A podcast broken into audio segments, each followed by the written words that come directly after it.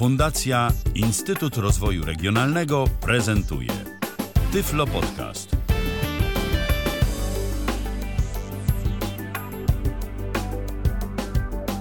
Coraz częściej się waham, czy mówić wam już dzień dobry, czy jeszcze dobry wieczór. No to może dzień dobry wieczór.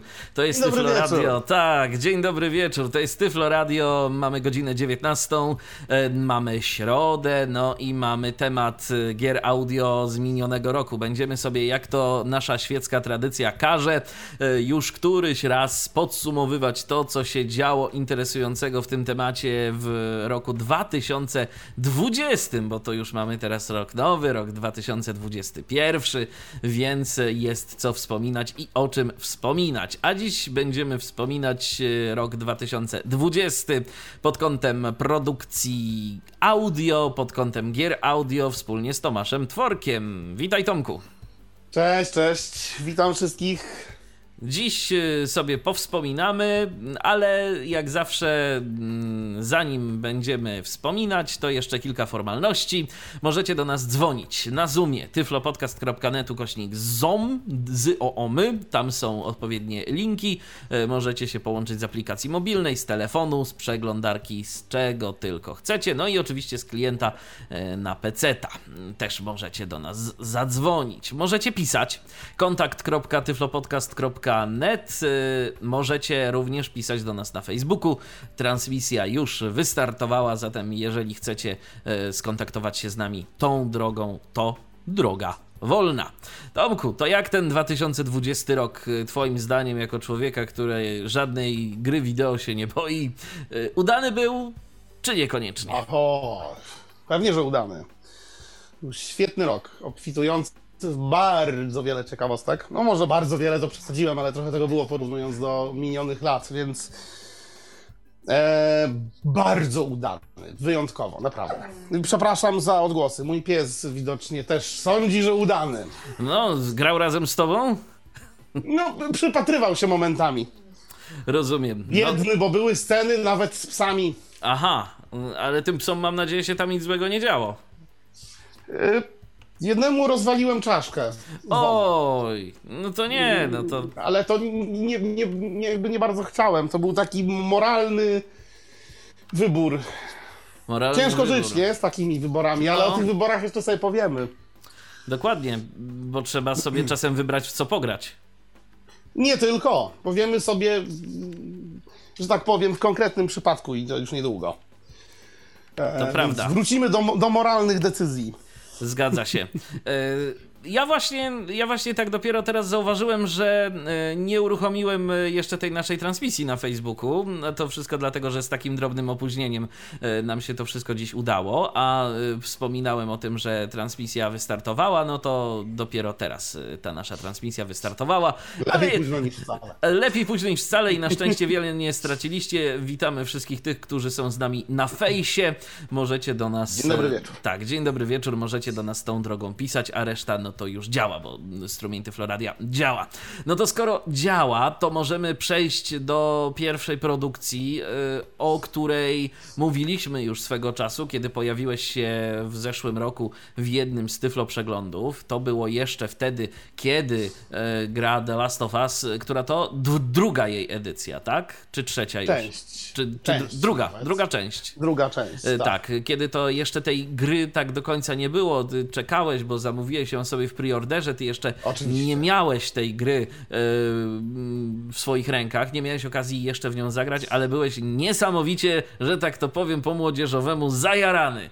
Bardzo się nie mogłeś doczekać, kiedy ta gra wpadnie w twoje ręce i kiedy będziesz miał okazję sobie w nią pograć. No i ci wszyscy, którzy gdzieś tam obserwują na przykład ciebie na Twitchu, no to wiedzą, że trochę sobie w nią pograłeś. To teraz może No, od tak. tego tytułu zacznijmy. Y, Przypomnijmy w ogóle słuchaczom, albo poinformujmy, bo może nie wszyscy wiedzą, o co w ogóle chodzi w grze The Last of Us i na co jest to gra.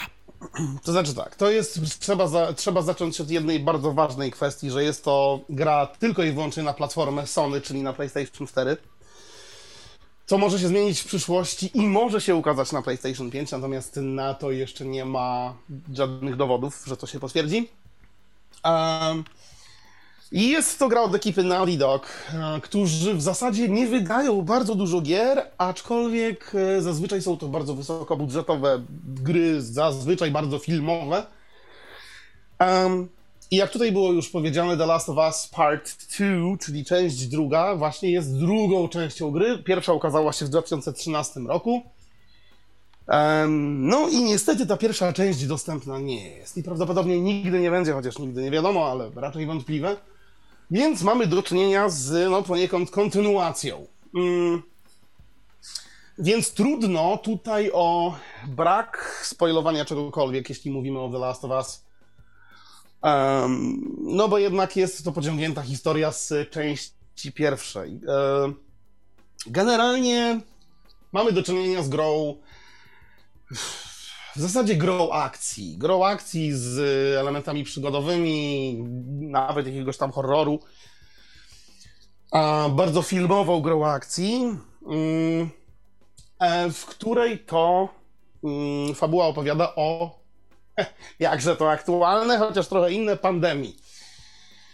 E, dokładniej o wirusie, który po prostu zmienia ludzi w powiedzmy takich zombie, chociaż to nie jest tak do końca, że to są zombie. Natomiast ci ludzie robią się szaleni. Mm. I generalnie byłoby to zbytnim uproszczeniem, gdybym tutaj zakończył opis, y, chociaż y, jakby trudno tu powiedzieć, gdzie tak naprawdę już jest spoil, a gdzie go nie ma, bo trzeba to, trzeba w to zagrać samemu. Natomiast mogę powiedzieć, że w pierwszej części gry e, wcielało się, wcielaliśmy się w Joela, mm, któremu na samym początku gry, jak jest zresztą pokazane, zabijają córkę. I wcielamy się w Joela, który w swojej podróży przez ten świat, o, o, opanowany jakby przez, yy, yy, przez ten no, oszalałe coś. Yy, I przez wirusa, tak, oszalałe. Przez wirusa, mhm. tak. On, on w ogóle się objawia w formie grzybów.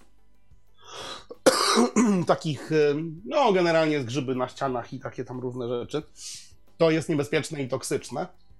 Mm, odnajduje nastolatkę i poniekąd jakby to, to ma miejsce w ogóle 20 lat po tym, bo tam jest przeskok w czasie, kiedy Joel już sobie żyje spokojnie e, i zajmuje się czym się da, żeby przetrwać. Generalnie handel bronią, różnymi rzeczami. I gdzieś tam w międzyczasie odnajduje, trafia na, e, na Eli, czyli nastolatkę, Generalnie, no, taką trochę w wieku, w którym była jego córka, kiedy zginęła. I taką dość buntowniczą nastolatkę chyba. Bardzo buntowniczą, tak. To, to jest, y, żebym miał tutaj podawać przykłady, to musiałby być jakieś oznakowanie, że ta audycja powinna być 18+, plus, do czego zaraz też przejdę. E, nie, nie będę rzucać mięsem, natomiast zaraz wyjaśnię dlaczego. E, jest to gra, tutaj od razu właśnie zaznaczę, bardzo brutalna. E, bardzo brutalna, e, gdzie jest bardzo taki, e, powiedziałbym, szorstki język, dużo, dużo wulgaryzmów.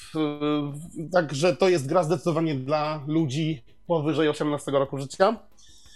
Ale to nie tylko przez język, to nie tylko przez język, przez krew i różne rzeczy, natomiast sama gra jest jakby strasznie taką, taką przygodą po moralności żebym to tak mógł nazwać może.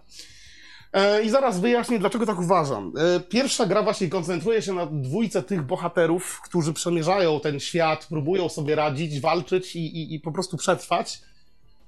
Natomiast druga część e, to kontynuacja. Hmm, no i tutaj właśnie nie bardzo wiem, co zrobić, bo w oficjalnym opisie jest po prostu informacja, że Ellie i Joel tam kilka lat po tym, co miało miejsce w pierwszej części, osiadają w Jackson, zamieszkują i tak dalej, starają się jakoś odbudować wszystko, mają tam jakąś społeczność, w ogóle miasto i tam ludzie sobie starają się jakoś radzić, pomagać sobie wzajemnie. I dochodzi do różnych rzeczy, o których oczywiście nie powiem, żeby nie psuć zabawy tym, którzy będą mogli zagrać w tą grę, a mam nadzieję, że będą. Życzę tego wszystkim. E, jest to, co powiedziałem przed chwilą, gra o moralności. Pierwsza gra bardzo traktowała o tematach e, miłości, uczuć, e, takiej bliskości, przywiązania. Natomiast druga gra, w mojej opinii, jest bardziej nastawiona na zemstę. Na taką czystą nienawiść ludzką, zemstę, na, na zawiść. I tam jest bardzo dużo tego typu momentów, kiedy generalnie, e, to znaczy ja powiem z mojego doświadczenia. Były momenty, w których e, wiem, że musiałem coś zrobić, aczkolwiek bardzo nie chciałem tego robić. Tak jak właśnie wspomniane psy, e, które w zasadzie można ominąć, jeśli się uda, jeśli się nie uda, trzeba sobie radzić. Trzeba je pokonać, bo, stwierzenia. bo one, bo w przeciwnym wypadku one nas pokonają, tak? I, I żeby nie było, to są psy, które mają charakter.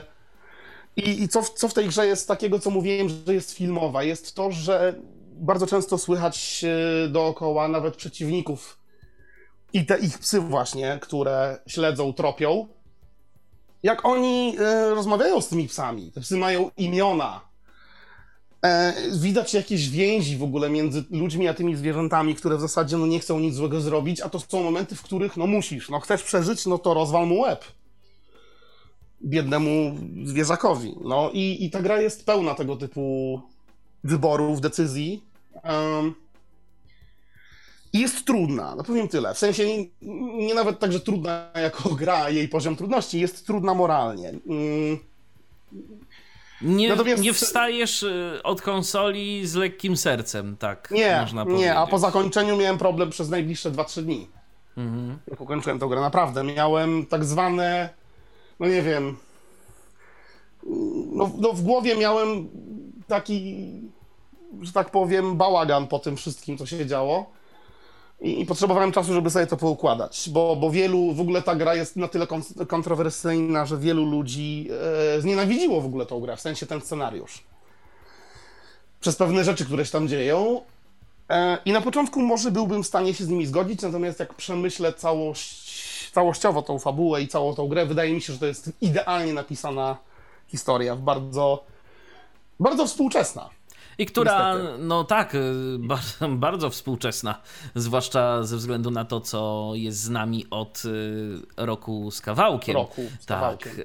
No i nie pozostawia nas tak obojętnym ta gra. To jest, to jest rzeczywiście coś, co myślę, że jest dobrym argumentem dla tych wszystkich, którzy twierdzą, że gry to takie w sumie to tylko ogłupiacze i zabijacze czasu, a tak naprawdę no to chyba nie do końca tylko o to chodzi. Przynajmniej nie, tutaj jest co coraz nowszych produkcjach. Tu, tutaj jest, Michale, wiesz co, tu jest e, nawet... E, nie, nie wiem, ile oglądałeś e, jakichkolwiek materiałów, czy to moje streamy, czy cokolwiek, natomiast... Wiesz co, tak bardzo uważnie oglądałem pierwszy, natomiast później to już tak zaglądałem tylko. Pierwszy był najgorszy, bo akurat tam audio miałem cicho i niestety to wynikało z tego, że miałem konsolę od tak, no, niedawna. Głoś, głośniki na full były, Tomku, głośniki na full. tak, bo sam byłem ciekaw, co tam było. No, no. Ale dobrze, dlatego... to, to, to, w takim razie, to, to w takim razie tyle może o fabule. Generalnie, mhm. generalnie dopada nas złośliwy grzyb. Tu Pates do nas też napisał, że właśnie ten wirus to taki, taki grzyb na mózgach bardziej mhm. jest, coś, coś tego typu, tak. Mm. Tak. To prawda, więc i musimy sobie z tym jakoś radzić. Budujemy społeczność i musimy podejmować różne dylematy, no ale to jest gra, przypomnijmy, mainstreamowa. To nie jest Dokładnie. gra stworzona z myślą o niewidomych, ani o żadnych innych osobach z niepełnosprawnością jakąkolwiek. I tak i nie. I a, tak i nie, właśnie. A, dlaczego, a dlaczego, e... dlaczego właśnie i tak i nie? To, to rozumiem. No to, to tak, może, może, może powiem w ten sposób. E... Druga część gry, generalnie no po jakimś tam czasie od wydania pierwszej i w ogóle po wydaniu remastera, bo tam wyszła zremasterowana mm, część, pierwsza, e, pierwsza część na e, nowe konsole i tak dalej, na nową generację. I w zasadzie jakiś czas potem oczywiście na widok zaczęli pracować nad The Last of Us, The Last of Us 2, e, ale, ale e, był gdzieś tam jakiś nie wiem, co to był za meeting, ale jakiś gamingowy gdzieś w Stanach, coś tam w stylu e, nie wiem, tych, tych takich targów gamingowych czy coś, nie wiem, czy coś typu E3, nie, nie, nie bardzo zaraz pamiętam. W każdym którym... razie było wielu graczy i jeszcze więcej, I wielu twórcy. producentów i jeszcze więcej e, graczy, o może tak. Tak. I na scenę wyszedł ze swoim takim panelem, takim takim e, motivation talk, czy coś w tym stylu, z taką mową gadką i tak dalej o accessibility, wyszedł niejaki Brandon Cole, e, jako wieloletni gracz, który jest niewidomy. Mm, I on właśnie chyba w ogóle rozmawiał o, o, The Last of Us, że w ogóle chciałby w to grać, ale nie mógł w tą pierwszą część i w ogóle podawał różne gry, różne przykłady. I był bardzo zdziwiony, bo na scenę właśnie e, wpadło kilka osób z Naughty Dog. Właśnie, którzy tam byli. I na scenie e, z nim porozmawiali i w ogóle wtedy ogłosili, że zrobią wszystko, żeby ich kolejna gra, czyli ta, którą obecnie robią, będzie dostępna dla wszystkich. I to był początek ich współpracy. Potem, niedługi czas później, Brandon Cole podpisał z nimi tam umowę i w ogóle wszystkie niezbędne papiery. I zaczęła się współpraca. Nie tylko z Brandonem, bo jeszcze było e, kilka osób. E, którzy pracowali nad pozostałą e, liczbą opcji dostępności. Jak już dobrze ci, którzy nie wiedzieli, się domyślają, tak, to jest gra wideo, która ma dostępność i to w zasadzie dla wszystkich. Tam jest około 60 opcji dostępnościowych w ogóle w, w, menu. No to rzeczywiście e, imponująca liczba. Ja to przeglądałem całkiem długo. Naprawdę, to jest. Z rewelacja, co tam się wydarzyło w ogóle. To, e, bo tutaj mamy podział. Jest dla niewidomych, jest dla słabowidzących, e, bo jest i, i e, jest TTS własny w ogóle stworzony dla tej gry. Bo Sony PlayStation 4 nie, nie posiada. Znaczy posiada text to speech, ale tylko w Stanach Zjednoczonych. Natomiast gra ma swój TTS, E, I to w bardzo wielu językach. Tak, w polskim również. E, I co więcej, e, są opcje dla ludzi z problemami ze słuchem. Są opcje dla tych, którzy mają jakieś tam motoryczne problemy, fizyczne i tak dalej. I tego jest naprawdę dużo. Tego jest całkiem sporo. I powiem wam, że co, co mi bardzo się spodobało, to to, że jakby taki próg wejścia, jeśli chodzi o tą grę. No bo ja jestem, wiadomo, no graczem już trochę zjadłem zębów, że tak I to powiem, wcale niekoniecznie na tych grach, które są dla nas przystosowane, tak? tak. Nie ograniczałeś e, się do tych tytułów. Nie, oczywiście, że nie. E, natomiast e, dlatego muszę powiedzieć, że The Last, of Us ma, The Last of Us ma bardzo łatwy próg wejścia, w sensie ja bardzo szybko wpadłem w ten świat, jakby ten e, interfejs, to wszystko jest tak zrobione, że w zasadzie mm, jestem pewien, przekonany niemal, że jakby nawet dla tych, e, którzy nie mają na co dzień aż takiej styczności z grami, ten, ten system jest bardzo, bardzo prosto rozwiązany, jest to strasznie intuicyjne. E, i, I tam są naprawdę niezłe opcje, nawet dla tych takich, że tak się wyrażę, niedzielnych graczy, którzy gdzieś tam nie potrzebują wyzwania i, czegoś tam. I tam nawet zaimplementowano jakieś autonamierzanie przeciwników y, i tego typu rzeczy, więc generalnie no generalnie to działa. No to dobrze, to, Tomku, to skupmy się na osobach y, niewidomych. Y, co tam trzeba, albo co tam można włączyć, jakie mamy rzeczy. Wspomniałeś o TTS-ie, więc domyślam się, że tam jest jakiś taki mini wewnętrzny czytnik ekranu coś tej pewnie, gry. Nie coś, wiem, coś, nie wiem jak oni to zrobili, typu. ale coś, pewnie coś tak, mhm. no. Y, czy to wszystko? Czy my mamy jeszcze jakieś dodatkowe ułatwienia? Nie, nie, nie, to jest, y, to jest początek. No to co tam mamy jeszcze? Do tego oczywiście mamy, do tego oczywiście mamy strasznie rozbudowany e, e, jak, to, jak to się po polsku nazywało, już nie pamiętam w tym tłumaczeniu, już trochę temu grałem, ale całkiem mocno rozbudowany system audio cues, czyli tych podpowiedzi dźwiękowych. Nawet jest w grze taki leksykon, słowniczek w ogóle tego. I tam jest tego ho, ho, ho. Sporo. I, i to może być chyba jedynie coś, z czym e, osoba, która zacznie w to grać, może mieć na początku taki problem, że trochę to potrwa, zanim się do tych wszystkich dźwięków przyzwyczai, to znaczy nauczy się ich, który jest za co odpowiedzialny Chociaż powiem szczerze, że mi to bardzo szybko przyszło. W sensie one są tak. E, są tak różne, są tak y, zrobione, że w zasadzie e, bardzo łatwo się kojarzy, w jakich miejscach jakie dźwięki się zdarzają w zasadzie. I mi jakoś bardzo to przyszło szybko, natomiast zdaję sobie sprawę, że dla kogoś może być to jakiś tam jakiś problem na samym początku. E, natomiast dla mnie nie był to problem, e, bo tam są dźwięki naprawdę od chyba prawie każdej akcji. Aha. A, a w grze no jest, y, jest eksploracja. E, jest walka. I to taka walka wręcz, w której są dźwięki nawet takich akcji jak unik, w sensie kiedy przeciwnik cię zaatakuje i dźwięk od uników, kiedy akurat robić uniki. E, są dźwięki na przykład, kiedy przeciwnik się złapie i wtedy trzeba na przykład maszować, w sensie naciskać bardzo szybko jakiś przycisk, żeby się wyrwać, czy coś takiego. Są przyciski, e, są dźwięki, no naprawdę od e, cał, ca, gamy różnych rzeczy, e, jeśli chodzi o walkę na odległość, w sensie przy użyciu broni, jeśli chodzi o namierzanie. Nawet w tej grze jest coś takiego, są momenty, w których na przykład zabijamy przeciwników, którzy są daleko. Nie? I no jak przeciwnik jest daleko i do niego strzelamy, no to nie usłyszymy, czy on umiera, czy nie. On jest gdzieś daleko. Więc generalnie tego nie słychać zazwyczaj w ogóle w grach, no i w ogóle. Tutaj jest to rozwiązane tak, że jeśli przeciwnik umrze i został nietrafiony, to mamy podpowiedź dźwiękową, że właśnie go trafiliśmy.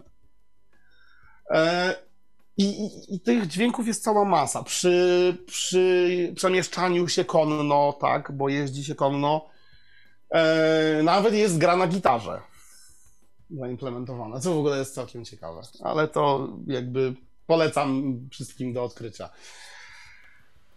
No to rzeczywiście, Także no jest czyli, tego bardzo dużo. czyli czytnik ekranu, system podpowiedzi dźwiękowych y, różnego rodzaju, y, mhm. jakieś, y, właśnie tak jak mówiłeś, tego typu różne namierzanie i tak dalej, to, to też jest dla nas?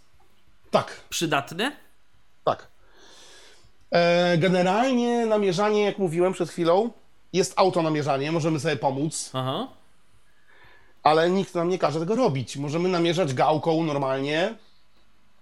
I tutaj wibracje wchodzą w grę. Wibracje kontrolera. Dawno w grze nie widziałem bardzo, tak, tak bardzo dobrze do jakby zaimplementowanych wibracji które są naprawdę Które świetne. się rzeczywiście do czegoś przydają, a nie są tak. tylko takim kwiatkiem do kożucha. Tak, bo one są naprawdę różne i tutaj e, czuć czuć, kiedy się, nie wiem, namierzyło kogoś, ale tak troszkę nie do końca, może trzeba poprawić trochę, bo jeszcze tak... Mm.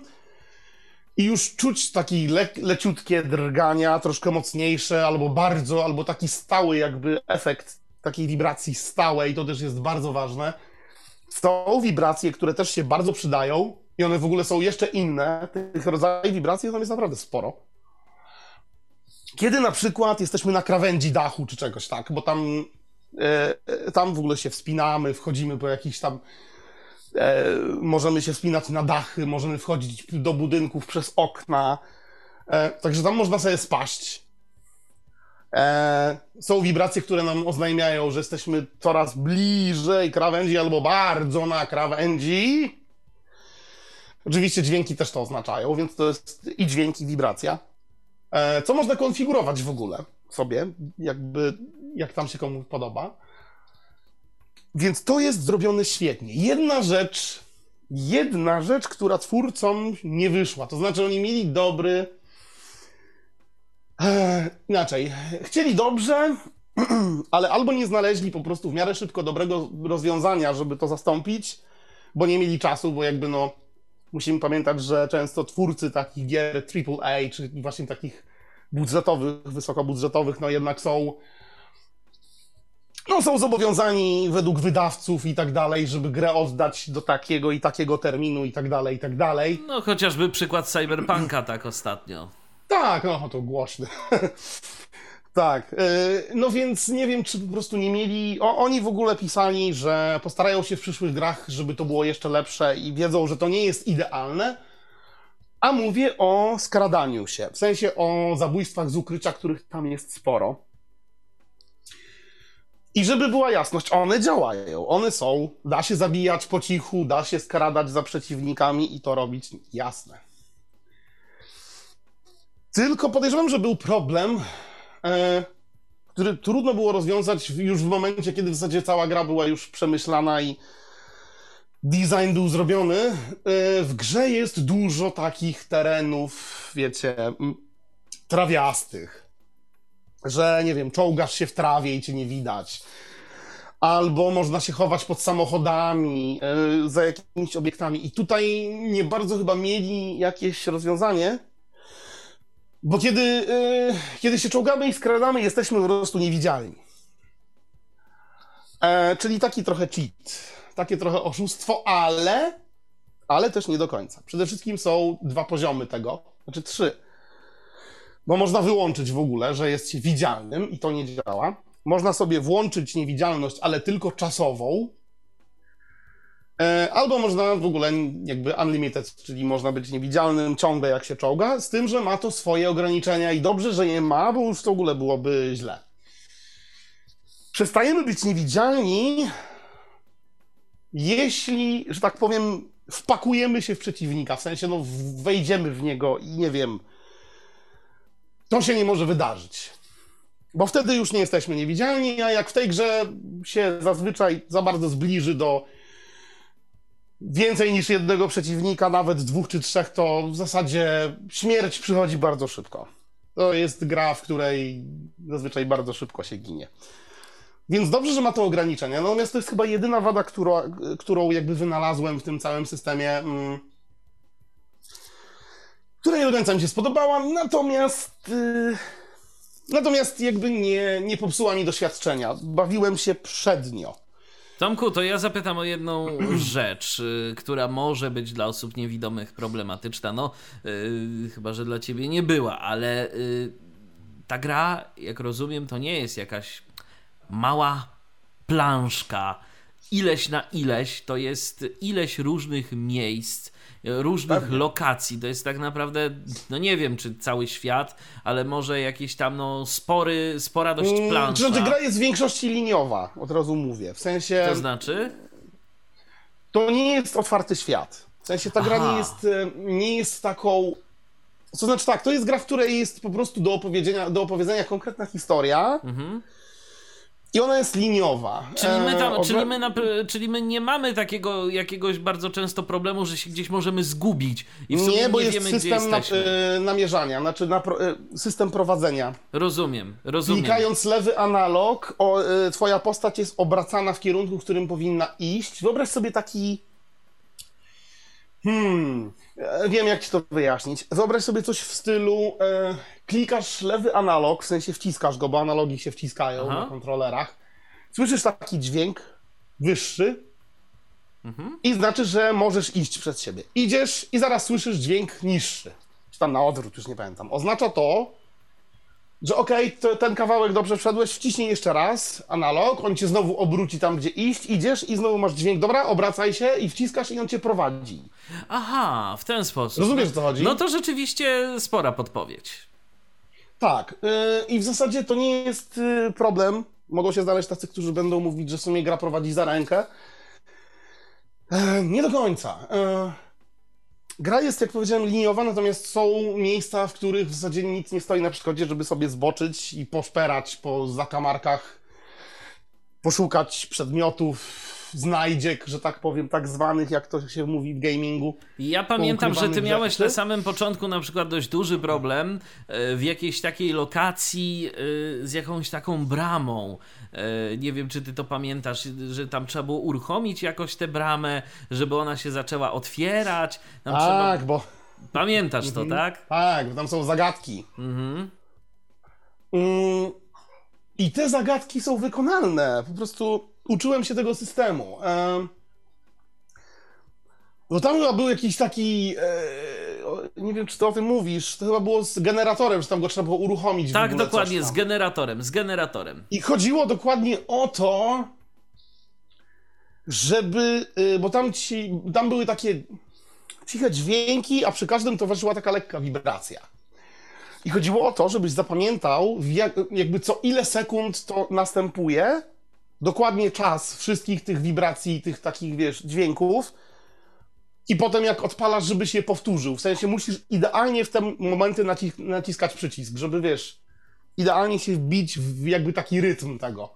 W częstotliwość tego jakby, tak? Tak, tak. I, i, I jeśli to zrobisz dobrze, to, to odpalisz y, generator. I, I tego, tego typu rzeczy jest więcej.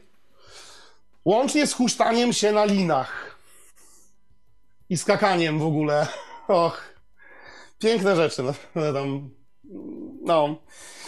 Em, Z tak, ciekawości, natomiast- czy ty w danym momencie w 100% zawsze wiesz, co tak naprawdę masz zrobić, albo y, co tak naprawdę, co jest od ciebie oczekiwane i co ty robisz? Czy, czy y, chodzi mi po prostu o to, y, czy na przykład w pewnym momencie nie okazuje się, że robisz coś, dajmy na to, no nie wiem, y, właśnie dostrajasz się do tych wibracji, ale ty tak naprawdę nie wiesz, co to spowoduje za efekt. Czy to wszystko jest odpowiedziane w historii tej gry?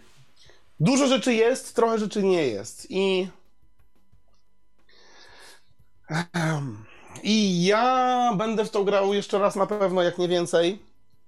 Natomiast no, ja miałem trochę inną sytuację, bo miałem oglądających na streamach. E, Ja No tak, i oni na, podpowiadali. Na Twitchu. Oj, tak. tak, ja miałem inną sytuację, ale na Twitchu, w ogóle jeśli nie wiecie, na Twitchu ukończyłem tę grę, przeszedłem całość. E, Z ciekawości, ile ci to zajęło? około 40 godzin ponad. No, to już jest. Blisko kawałek. 50.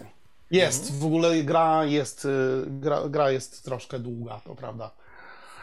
E, I powiem ci, że w zasadzie y, mogę się czepić nawigacji jeszcze, bo są momenty, w których, mm, jak mówię, możesz zboczyć, żeby coś tam znaleźć, nie wiem, jakieś ukryte rzeczy czy tam coś. I jest system wykrywania przedmiotów i przeciwników. Bo tam jest taki system nasłuchiwania. Ten system nasłuchiwania działa tak, że jak się trzyma przycisk, to to jest taki. Na... To jest takie nasłuchiwanie, że wszystko podobno, przynajmniej graficznie widać jakieś tam przybliżenia, są jakieś tam coś. Troszkę też inaczej słychać e, wszystko dookoła. I w tym trybie można kliknąć na przykład przycisk i on ci skanuje dookoła za przedmiotami, a jest drugi przycisk, który skanuje za przeciwnikami. Mm, jeśli skanujemy za przedmiotem albo za przeciwnikiem, to potem wystarczy użyć znowu, jeśli nie wiem, skanujesz, to od razu po skanowaniu, kiedy masz włączony ten tryb nasłuchiwania, używasz tego y, analoga, tak jak wcześniej przy prowadzeniu cię od punktu A do punktu B, Do to B. tutaj ten Mhm. analog, analog prowadzi cię do tego przedmiotu. Do tych skanowanych przedmiotów generalnie. Rozumiem. I to ma swoje wady. To znaczy, zdarzało mi się, że ten skaner wyłapywał w pierwszej kolejności przedmiot, na który jeśli kliknąłem, bo był jakimś tam interaktywnym obiektem, to popchnął mi fabułę dalej. I no, nie pozbierałem wszystkiego. Bo mi pchnął dalej wszystko, więc już nie mogłem wrócić do tamtej lokacji. I zdarzały się takie sytuacje, to było dość irytujące. E, Natomiast poza tym, poza tym nadal uważam, że to świetna gra i bawiłem się naprawdę genialnie.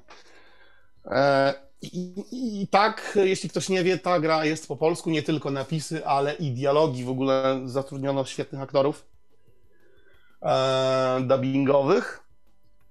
Mm, także naprawdę to jest e, taki, jak to mówię często, must have dla każdego. W sensie, jeśli faktycznie e, lubicie, gracie w gry i macie dostęp do PS4, to polecam.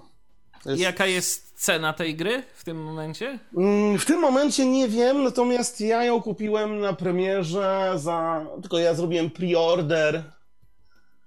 Mm. I ja zapłaciłem chyba 240 zł. Czy coś takiego. Jakoś tak, może troszkę niżej. Ona tak koło 200 zł plus minus teraz jest. No chyba, że są jakieś okazje, że tam można taniej No jasne. e, złapać, no to wiadomo. Czasami na PlayStation są w ogóle przeceny i ta gra już miała chyba jakieś przeceny. Tam Mhm. kosztowała chyba 190 czy 180. No proszę. No to rzeczywiście. No ale to jest y, Ale warta swojej ceny. warta, no tak, warta. Zdecydowanie, no. Nawet warto poczekać, aż te kilkadziesiąt giga się pobierze, bo to jednak waży. No tak. E, wspomniałem, że możecie do nas pisać i z tej okazji skorzystał słuchacz o niku Ogoniciel, e, który zapytał Tomka o rzecz następującą. Czy wspomnisz o chińskiej grze Devil? Nie wiem, mogę wspomnieć. E, chociaż pewnie tu będą tacy, którzy zrobią to za mnie. ale. Nie, nie, nie. Ja nie próbuję być absolutnie wredny. Nie próbuję być wredny, natomiast nie gram w chińskie gry. To znaczy, nie gram nie dlatego, że mam coś do Chińczyków i do chińskich produktów, bo podejrzewam, że otaczam się wieloma chińskimi produktami. Bo ty Azję bardzo lubisz, chociaż jednak e, bardziej chyba Japonię. Mam takie Oczywiście, że wrażenie. tak. A zwłaszcza jeśli chodzi o gry wideo, to Japonia, no to przede wszystkim, nie? E, znaczy, no wiesz, no jakby tutaj można byłoby się w, odwoływać do początków tego wszystkiego i tak naprawdę każdy dobrze wie, że to w Japonii się zaczęło wszystko, jeśli chodzi o gry wideo, bo w sumie Japończycy tak naprawdę zaczęli e, robić bardzo wiele i od tego się bardzo wiele zaczęło i zrobiło po drodze i tak dalej, i tak dalej. Natomiast nie jestem anty, natomiast muszę być szczery przede wszystkim przed sobą, przed wami też. Nie powstała taka gra chińska do tej pory, która mnie urzekła na tyle, że bym w nią grał z przyjemnością. Ale słuchajcie, jeżeli wśród nas są miłośnicy chińskich gier audio, jeżeli coś tam was urzekło, jeżeli coś wam się wybitnie spodobało, e, to dzwońcie do nas, zapraszamy. tyflopodcast.net ukośnik zoom i kontakt.tyflopodcast.net oraz Facebook. E, Tu można do nas z kolei pisać. No dobrze, to tyle o drugiej części The Last of Us. To teraz Czekamy przecho- na trzecią? Tak, czekamy na trzecią, a teraz Gdzieś prze- jest, gdzieś jest w ogóle wyciek, że, że, że, że trzecia być. podobno ma być. I podobno Super. do drugiej rozszerzenie ma być. O. Jakieś fabularne. I też fajnie.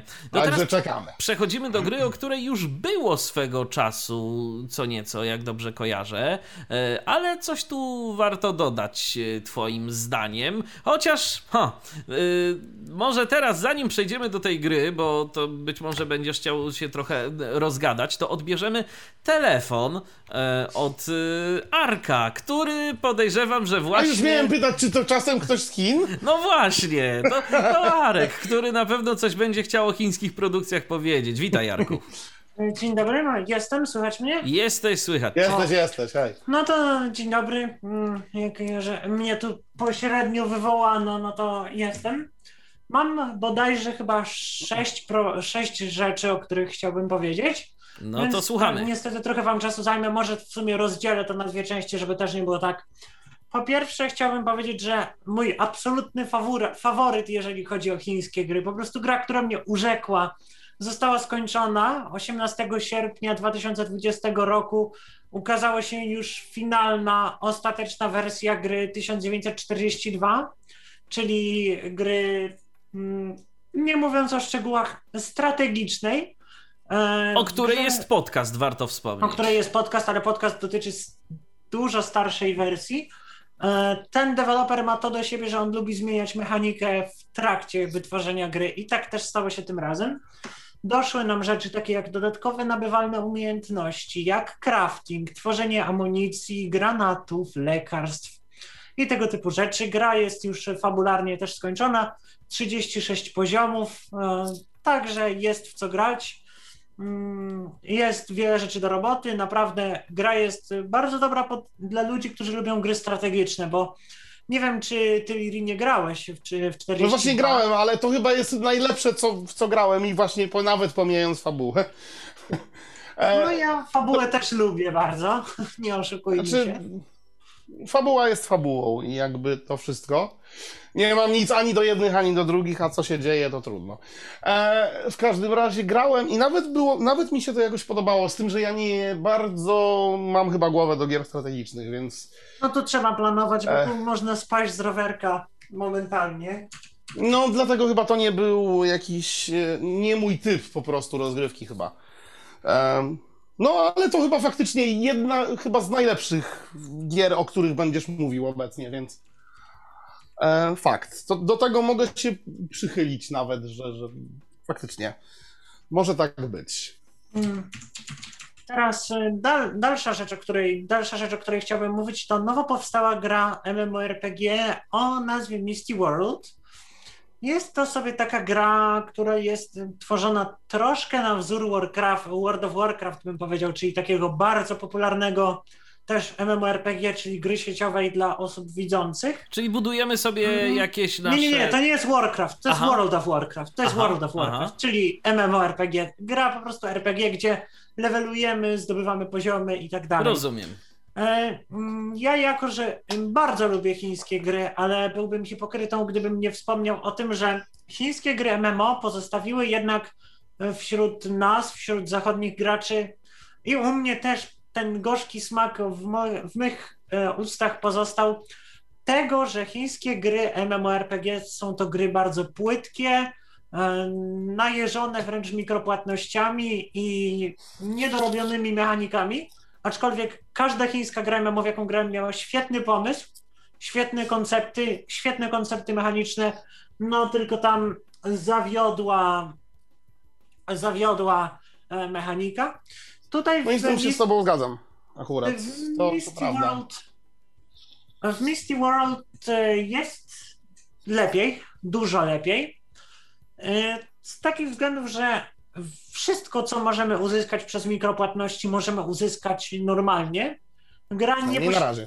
E, wiesz, no nie wiem, raczej ja rozmawiałem z deweloperem i on mówił, że nie chciałby, bo deweloper w ogóle Mm, jego pomysł na stworzenie gry narodził się, kiedy zaczął grać w grę Return of the King, która to w sumie była pierwszą grą chińską, z jaką, no nie, drugą, bo Night of Parasite legendarny. W Widać trochę podobieństw w sumie.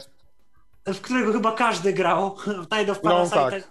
nie, nie sposób tej gry nie znać. E, no niemniej jednak e, grał ten gościu w the, w the Return of the King i mówił, że brzydziły go E, pewne systemy, które tam były, czyli ludzie zostawiali grę na noc, zwierzęta za nich grindowały. No w ogóle tam na Return of the King siedziały przeróżne imby i postanowił właśnie stworzyć Misty World, e, która to gra jest grą, tak jak już mówiłem, sieciową. Mamy do wyboru chyba 7 klas. Możemy grać wojownikiem, możemy grać orkowym barbarzyńcą, możemy grać magiem ognia, magiem lodu, łucznikiem, zabójcem, zabójcą i czymś, za co mnie linczowano, e, jak to e, wydałem tłumaczenie klas, możemy grać, uwaga, Wiedźminem. Ale nie jest to taki Wiedźmin, jakiego my znamy. Nie ten od Sapkowskiego. Nie ten od, od Sapkowskiego, po prostu lingwistycznie ten termin był jak najbardziej poprawny, a klasa ta najbliżej jakby swoją budową odpowiada nekromancie jakby z naszego To jest jak wiedźmy, nie? E, no tak, tylko oni się zajmują troszkę czym innym. Oni się zajmują bardziej e, jakby manipulacją, ale żywymi, nie martwymi. Mm, no. tego typu umiejętności, coś takiego. Gra ma bardzo ciekawe pewne mechaniki, jeżeli chodzi na przykład o ekwipunek, bo e, przyjmijmy, mamy skórzane spodnie, potem mamy jakiś trochę lepszy ekwipunek i możemy części z tego starego ekwipunku wsadzić do tego nowego i tworzyć nowe materiały. Mamy bardzo rozbudowany ten system. Mamy też ciekawy system umiejętności, oczywiście klasycznie. Brak remapowania kontrolsów też. E, nie, jest remapowanie kontrolsów. Jest. Jest to bardzo dobrze, bo nie mam prawego kontrola. A prawy kontrol, czekaj, czy prawy kontrol coś tam robi? Tak, robi. Do ekwipunku. Używa ekwipunku. Dokładnie. Jest plik Więc... config.ini. Poszedłem na skróty i używałem zakładania na tych, na jedynce, dwójce i tak dalej. A, przypisywałeś sobie ten. No bo nie ten... miałem wyjścia. Ale Też, może no. do tego jeszcze wrócę, bo to jest... Y, znaczy nie wiem, z jednej strony całkiem niezłe, z drugiej denerwujące sytuacje, kiedy wchodzi się do jakiegoś pomieszczenia i nagle umierasz. E, nie wiem jak, jakiego problemu. Tam chyba... było jakiś dom chyba czy coś tam, A, jakiś ale... tam był i tam jest coś, gdzie się umiera i w zasadzie no i właśnie nie, nie doczytałeś, bo ja tutaj chcę właśnie kontynuować, że ta gra ma jeden... Ja to lubię, ale ta gra ma jeden problem. To nie jest tak jak w Battle of Armageddon, które też bardzo kocham, uwielbiam też tę grę, że tam nie wiesz nic, tylko w MW musisz gadać z NPC-ami, bo z tym domem e, jeden z NPC-ów mówił ci, że dom ten przez to, że było w nim bardzo dużo zmutowanych szczurów, zawiera teraz e, jakby taki zatruty śluz żrący, który cię zabije. I tamten NPC mówi ci, że jeżeli nie chcesz tam umrzeć, to musisz nauczyć się umiejętności odporności, odporności na Nie, wiem, no możliwe, że też z nim, wiesz, nie pogadałem, natomiast jakby wiadomo, że tłumaczenie z chińskiego na angielski jest strasznie, strasznie zmesowane. A czy panowie, E, y, wy tu opowiadacie już o więc nie szczegółach tej będziemy- gry, a może właśnie warto powiedzieć, y, o co w ogóle w niej chodzi, tak? No bo No, Dokładnie. właśnie już też do tego przejdę. Ej, Tylko jeszcze chcę opowiedzieć o systemie umiejętności, bo on też jest ważny. W grze mamy kilka rodzajów umiejętności. Mamy umiejętności takie zwykłe, czyli jakby umiejętności powiedzmy walki, czyli podchodzimy do przeciwnika i kolokwialnie mówiąc dajemy mu w łeb. Mamy e, buffy i debuffy, czyli umiejętności, którymi możemy podwyższać swoje statystyki swoich kompanów lub obniżyć statystyki wrogów. Mamy umiejętności pasywne i mamy też, umie- mamy też e, tak zwane talenty. Talenty to jest rodzaj umiejętności, który albo daje nam jakiegoś, e, jakiś bonus do statystyk, albo odblokowuje lub zastrzega nam prawo do używania takich, a nie innych umiejętności. Czyli ten system też jest bardzo rozbudowany. Trzeba strategicznie sobie planować, e, co, gdzie, na jakiego bossa. A o co chodzi w grze, Michale? No w grze o co chodzi o to, o co wchodzi w RPG-u. Musisz ratować świat, prawda? No a tak całkiem na serio, no to co? Mm, Mordowanie potworów, wykonywanie questów, kraftowanie przedmiotów, bardzo rozbudowany system gildii, który też bardzo mnie ucieszył, bo ja lubię, jak w grze jest dobry system gildii. E, mm, Jeżeli chodzi o nawigację, to nawigacja jest ok. Mam tylko trochę dziwne sterowanie jest, bo e, musicie wiedzieć, że w tej grze chodzimy w USAD normalnie i klawiszami O, K, L, średnik patrzymy wokół siebie, czyli O mówi nam o obiektach, które znajdują się na północy od nas, K na południu, L na zachodzie i średnik na wschodzie. Także to sterowanie też wymaga mm, troszkę dostosowania się do niego, no bo wiadomo, no, takie sterowanie w sumie dość nietypowe i pod, jeżeli trzymamy sobie O, jeżeli naciskamy sobie O, K, L, średnik z shiftem, to wtedy poruszamy się po obiektach, po takich landmarkach na mapie. W grze nie ma automatyki, także gramy sami. No to rzeczywiście może być e, całkiem interesująca produkcja. E, To co, Arku? e, Następna gra? Tak, jeszcze jedna i w sumie e, teraz opowiem o tym, o co pytał Ogoniciel, czyli o grze Heavenly Devil, e, tudzież Demon Advent. Ja bym się schylał ku temu mm, przeświadcze, ku temu tłumaczeniu. Gra została stworzona przez e, Yulonga, czyli przez dewelopera odpowiedzialnego za Battle of Armageddon i za grę, która też bardzo mnie urzekła, aczkolwiek nie mówiłem nigdy o niej w Tyflo Podcaście, bo to jest gra z 2008 roku, o grze Yanin Love. To jest gra tekstowa. I właśnie Heavenly Devil jest kontynuacją Yanin Love, która to jest y, już grą multiplayer. I Heavenly Devil, nie wiem czy Lirin się ze mną zgodzisz czy nie, to jest gra unikalna, moim zdaniem, nawet, nawet jak patrz- popatrzymy sobie na gry mainstreamowe, bo to jest gra, w której mamy niektóre mapy, które są jakby scrollowane, czyli chodzimy w prawo, w lewo, inne, mm, w innych mapach poruszamy się normalnie w dwuwymiarze, ale to nie jest najważniejsze. W tej grze nie ma czegoś takiego jak klasy. My sobie sami dobieramy umiejętności, sami wybieramy ekwipunek, jaki chcemy mieć, sami, sami wybieramy broni, jakimi chcemy walczyć, czyli sami tworzymy sobie swoją własną klasę, swoją własną profesję. Jakby no, tak jak w prawdziwym RPG-u, po prostu w takim prawdziwym, naprawdę RPG-u mm, kreujemy swój los od zera. No cóż, problemem tej gry jest strasznie ciężki grind. Dla ludzi, którzy nie mają zbyt, dużego zbyt dużo do czynienia z grami, mogę powiedzieć, że grind to jest e, takie zjawisko w grach, gdzie musimy robić coś cały czas, cały czas. Jakby powtarzać się, Żeby No do i- czegoś dojść. żeby do czegoś dojść. No i w Devilu. coś powiedzmy wydobywać, jest- na przykład jakieś surowce, tak? Tego typu Tak. rzeczy. Tak, no bo No. zabijasz po raz dwutysięczny tego samego potwora, bo... Króla Wilków. Nie wiem, czy tobie też się przypomina. Mi się przypomina Król Och. Wilków, którego tłukłem Och. 100 lat, Och. żeby zdobyć skórę, która była mi potrzebna do zadania, żeby móc przejść dalej do następnego miasta. No nie, tam w ogóle jest brak balansu moim zdaniem w bardzo wielu kwestiach. Niestety. A system, o którym mówiłeś, czyli scrollowany albo top-down, taki jakby powiedzmy jest też nie... Niezbyt ciekawie zaimplementowany. Bardzo często mi się zdarzało, że ten system się zmieniał, przechodziło to na siebie. Też skakanie, które też jest zaimplementowane, też nie do końca spełnia swoją rolę tak jak powinno.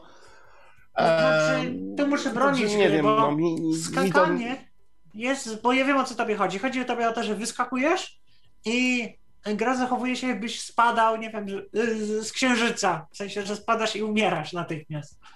To jest, No tak, no, ale jakby to to jest problem serwerowy. To jest problem tego, że serwer gry jest w Chinach, no nie? I no, tam to kiepsko to. gra nie, od, gra nie odbiera od serwera sygnału, że my już powinniśmy być na ziemi. A No właśnie, co za no tym to jest idzie? problem. Lądujemy rozplaszczeni po prostu No na... właśnie. A jeśli mówisz o grach, które używają takiej, takiej kombinacji, jest takich trochę. Jest, no Jest takich trochę, jest. Nawet e, nadchodzący Planet Saga ma dokładnie ten sam. No to to wiem akurat, ale... Ale... E, także. I, I to co ciekawe, w wielu japońskich grach jest taki system. I to mówię o grach wideo, gdzie masz e, faktycznie bardzo różny rzut kamery i to się potrafi zmieniać. Także to, to znam generalnie tego typu systemy. I one różnie działają, zależnie od gry. No ale generalnie tak. Jeszcze jedna taka perełka, którą, w którą dzisiaj zagrałem, nie z Chin. O, chińskie, o reszcie chińskich gier będę mówił, jak zadzwonię za jakiś czas. Okej. To jest gra, która się dzisiaj ukazała, Blind Drive. Gra po prostu, mnie, to nie jest co prawda z roku 2020, a już 2021. Ale Ale można gra- sobie powiedzieć dla tych, którzy nie wiedzą, bo fakt warto wspomnieć. Gra po prostu mnie zniszczyła. Mm, Ja zadam może Michałowi pytanie, bo Lirin oczywiście zna na 100% odpowiedź, ale jak myślisz, Michale, czy można zrobić dobrą grę, w której gra się tylko dwoma przyciskami? E, Przypuszczam, że zaraz mi powiesz, że można. Znaczy ja znam, bo testowałem, jestem testerem, więc znam. Aczkolwiek Można. można. To jest gra, która ma taką dość ciekawą, lekką fabułę. W sumie y, twórcy określają to jako czarna komedia. Gram sobie gościem, który postanowił wziąć udział w eksperymencie naukowym, który to eksperyment polega na tym, że wiążą gościowi oczy, zakuwają go w kajdanki i musi kierować samochodem. No, jest to zrobione w taki sposób, że po prostu możemy skręcać w lewo i w prawo, bo tylko kierownicą możemy kierować. Nie mamy dostępu do innych systemów auta, ale w grze na przykład mamy zaimplementowany taki system, że musimy zrzucać przeciwników z rowerka. Musimy po prostu ym, rowerzystów, y, że tak powiem, potrącać. O, i nie tylko rowerzystów. nie tylko ale nie wiem- rowerzystów. nie wiem, Potem policjantów będziemy musieli zabijać. Będziemy No musieli. może nie zabijać. dalej. e, No i będziemy Dla robić tych, co jeszcze nie grali. parę ciekawych rzeczy. Jeszcze jest na pewno kilka niespodzianek. Gra po... Wiesz, Michał, po prostu było niby kilka gier, które używały czegoś takiego, w sensie Aha. podobnej mechaniki, że samochód niby sam jedzie i musimy skręcać. Natomiast tutaj e, w ogóle warto dodać, gra jest dostępna na PC, Maci, iOS i Android e, w cenie około 3 dych, 3 dychy z hakiem. Jest promocja na Steamie, możemy grać Jest na Steamie promocja i 27 zł. Na Steamie i na itch.io, czyli na itchu też jest. Mm. I co jeszcze mogę powiedzieć? No cóż, moim zdaniem warto, chociaż gra jest krótka niestety, ale Ale jest dużo do roboty, jest trochę Jest. achievementów, które sobie sam postawiłem, bo, bo nieła- niełatwo jest choćby tych rowerzystów. O rowerzystach mogę mówić. zagraj na hardzie. Niełatwo jest ich strącić. E, powiem wam tyle, to jest gra, w której, jak mówiłem wcześniej, było już kilka takich konceptów, faktycznie gdzieś tam na przestrzeni lat, jeśli chodzi o gry audio. Natomiast e, nigdy nie miałem wrażenia, tak jak przy, w tej grze, bo w ogóle ja grałem e, na padzie, na kompie i testowałem też wersję na iOS-a.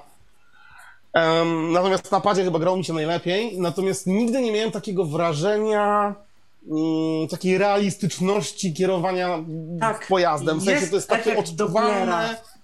Jest pięknie zaimplementowany dźwięk 3D. Są Tak, to jest audio po prostu wibracje. genialne. Audio jest idealnie zrobione. Nawet słychać Tak, jak model skręcania, jakby czuje się ten wpływ na kierownicę. Czujesz, że faktycznie gdzieś tam tą Jest przyczepność zrobione- samochodu i, i to się czuje. To jest, Jest to zrobione to do tego rzeczywiście stopnia, interesujące. że jak mocno skręcamy, to słychać jak nasz bohater się wciska w fotel. Do tego stopnia Tak, to jest zrobione. do tego stopnia. Mhm. To jest naprawdę wszystko. Słychać mu te obrączki założone, nie? I wszystko mu tam słychać. E, nawet mi się w ogóle gdzieś zdarzyło jakieś skrzypnięcie słyszeć, jakby tam, jak chyba walnąłem o coś, czy coś tam gdzieś było jakieś takie Tak. Jak czasami silnik mi tam gdzieś takie, takie było takie specyficzne. E, I to audio to jest jedno. Natomiast e, na poziomie łatwym, bo tam są trzy poziomy trudności. Jest easy, e, chyba tam normal i hard. Na poziomie łatwym jest łatwo, okej. Chociaż nie za łatwo tak naprawdę, ale jest łatwo. Na normalu jest nieźle, natomiast na hardzie zaczyna się po prostu jest ciężko. ekstremalna jazda. I powiem wam tyle, hard, Jest hard, wyjątkowo. hard, hard po prostu wygląda jakbyś, jakbyś Michale wsiadł do samochodu normalnie i jechał po ulicy. To jest hard. To tam musisz mieć po prostu y, idealnie skupienie i tak dalej, bo to jest, Tam to jest ruch uliczny, no. O tym też mogę powiedzieć, bo to też jest spokojnie w demie. W pierwszych minutach gry jesteśmy z tym zapoznawani. Jest na demo, przykład, tak w ogóle, jest na demo. przykład y, dzieje się tak, że jedziemy sobie autem i nagle rozwala się nam muzyka na cały regulator, zagłuszając nam po prostu wszystko. Albo Tak. zamykają się nam szyby w aucie. No i tyle. Już więcej nic nie będę mówił. W sumie I, I żeby, żeby było jasne, w ogóle te wszystkie efekty audio, akustyka i tak dalej tutaj działa bardzo rewelacyjnie. To faktycznie, no może poza jedną rzeczą, e, czyli poza voice actingiem, który jest w ogóle świetny, bardzo mi się podoba voice acting, mogli zadbać w sumie o to, żeby był e, te, e, no, e, jak to się tłumaczy na polski? E, powiedz po angielsku, to spróbuję ci pomóc. chodzi mi o impulse responses. A, a nie o, wiem. Też o, nie o wiem. takie efekty właśnie, że słyszysz jak z samochodu faktycznie, nie? Tak, no nie, nie, nie. nakładany na audio. I tego tu brakuje w zasadzie, jakbym miał się już czegoś czepić, natomiast gra jest y, świetna. Ja polecam każdemu sprawdzić. To jeszcze, raz, y, to jeszcze raz tytuł. Blinded Drive? Blind- Blind Drive. Drive. A Blind Drive. To jest na, Blind Drive to jest na wszystkie platformy. Jeśli ktoś nie lubi Steama albo uważa, że Steam jest dla niego niedziałający z jakiegoś względu, jest też Blind Drive na itch.io. A ja niestety, tak już, przepraszam, trochę odejdę od tematu samych gier, ale poruszę też ważny problem. Ja, Lirini, nie polecam ludziom kupować gier na itch.io. Ja też nie, no bo jakby Bo- każdy wie, z czym się to ale wiąże. To no. nie o to chodzi. To Tylko może na- powiedzcie, tylko- z czym to się wiąże, bo, bo, Ja nie wiem, bo z może czym nie dla każdy wie. Lirina, bo on chyba nie myśli o tym, co ja, ale No mów, mów. deweloper jak wrzuca gry na itch.io, to automatycznie spisuje ją na to, że będzie rozkradana przez No to tak, no, to o tym mówię. I A, gry o na są, to są gry e, bez żadnych zabezpieczeń. Tak. To jest gra, którą Natomiast ja chciałem powiedzieć, wysłać. ja chciałem powiedzieć, że Blind Drive, bo w tym momencie zaciekawiony waszym opisem y, pod, y, y, podążyłem do App Store'a i jest 18,99 ta gra. O, to na iOSie jak taniutko, to muszę kupić na iPhone'a jeszcze. Eee, o kurczę, to, to o, to proszę. Możesz, Michale, brać w ciemno. Myślę, że ci spodoba. To jest genialny. Zaufaj, nam. Jeśli No lubisz to- czarny humor, No to proszę bardzo. O, Elegancko. o, widzicie, to na żywo, to już poszło. Na żywo to poszło. poszło. To, to już nie ma teraz tego, wymówki, nie? To już poszło. No tak się tak nazywa reklamowanie gier. Dobra, nie, ale tak poważnie. Nie, Poważnie gra jest świetna. Testuję tą grę od, y, słuchajcie, około dwóch lat, bo mam y, z, z Lofi People, mam kontakt już jakiś dłuższy czas. E, więc teraz mogę już to oficjalnie powiedzieć po prostu. E, testowałem gdzieś tam od trochę wcześniejszych wersji. E, I przede wszystkim muszę powiedzieć jedno, i to nie mówię tylko dlatego, że nie wiem, że ja mogłem to testować czy coś tam. Absolutnie nie. Tutaj też nie chcę, żeby coś. To są e, cudowni ludzie, których warto wspierać. Kontakt z nimi, rewelacja. Naprawdę współpraca z nimi jako z deweloperami to jest kapitalna rzecz. Są mega otwarci, mega świetni. W ogóle nie wiem, czy wiecie, ale ta gra jakiś czas temu nie była dla niewidomych. Tak, To, to jakby nie miało być dla niewidomych. To nie było nawet planowane, że to będzie gra dla niewidomych. Ta gra Ale- miała UI pozbawiony obsługi screen readerów. E, absolutnie. ja mogę się do jednej rzeczy przyczepić, że tylko, że no w sumie przyczepić, to też tak na siłę trochę to czepianie. Niemniej jednak gra ma bardzo skopaną obsługę SAPI 5 i jeżeli ktoś używa czegoś innego niż NVDA, to będzie miał O, jaja to takie nie jak wiem, nie, nie, nie, nie kole- przetestowałem. kolejkowo, będzie miał jaja takie jak kolejkowanie mowy, czyli na przykład naciśniesz trzy razy strzałkę, O! to ci powie start gamę button, gamę settings button, help button, po prostu cały czas będzie ci gadało. No ale to jakby rozumiem. O, ale wiesz co, to jest chyba tego kwestia wynika. wtyczki, bo to jest y, ten cały z Metal Pop chyba ta wtyczka do Unity.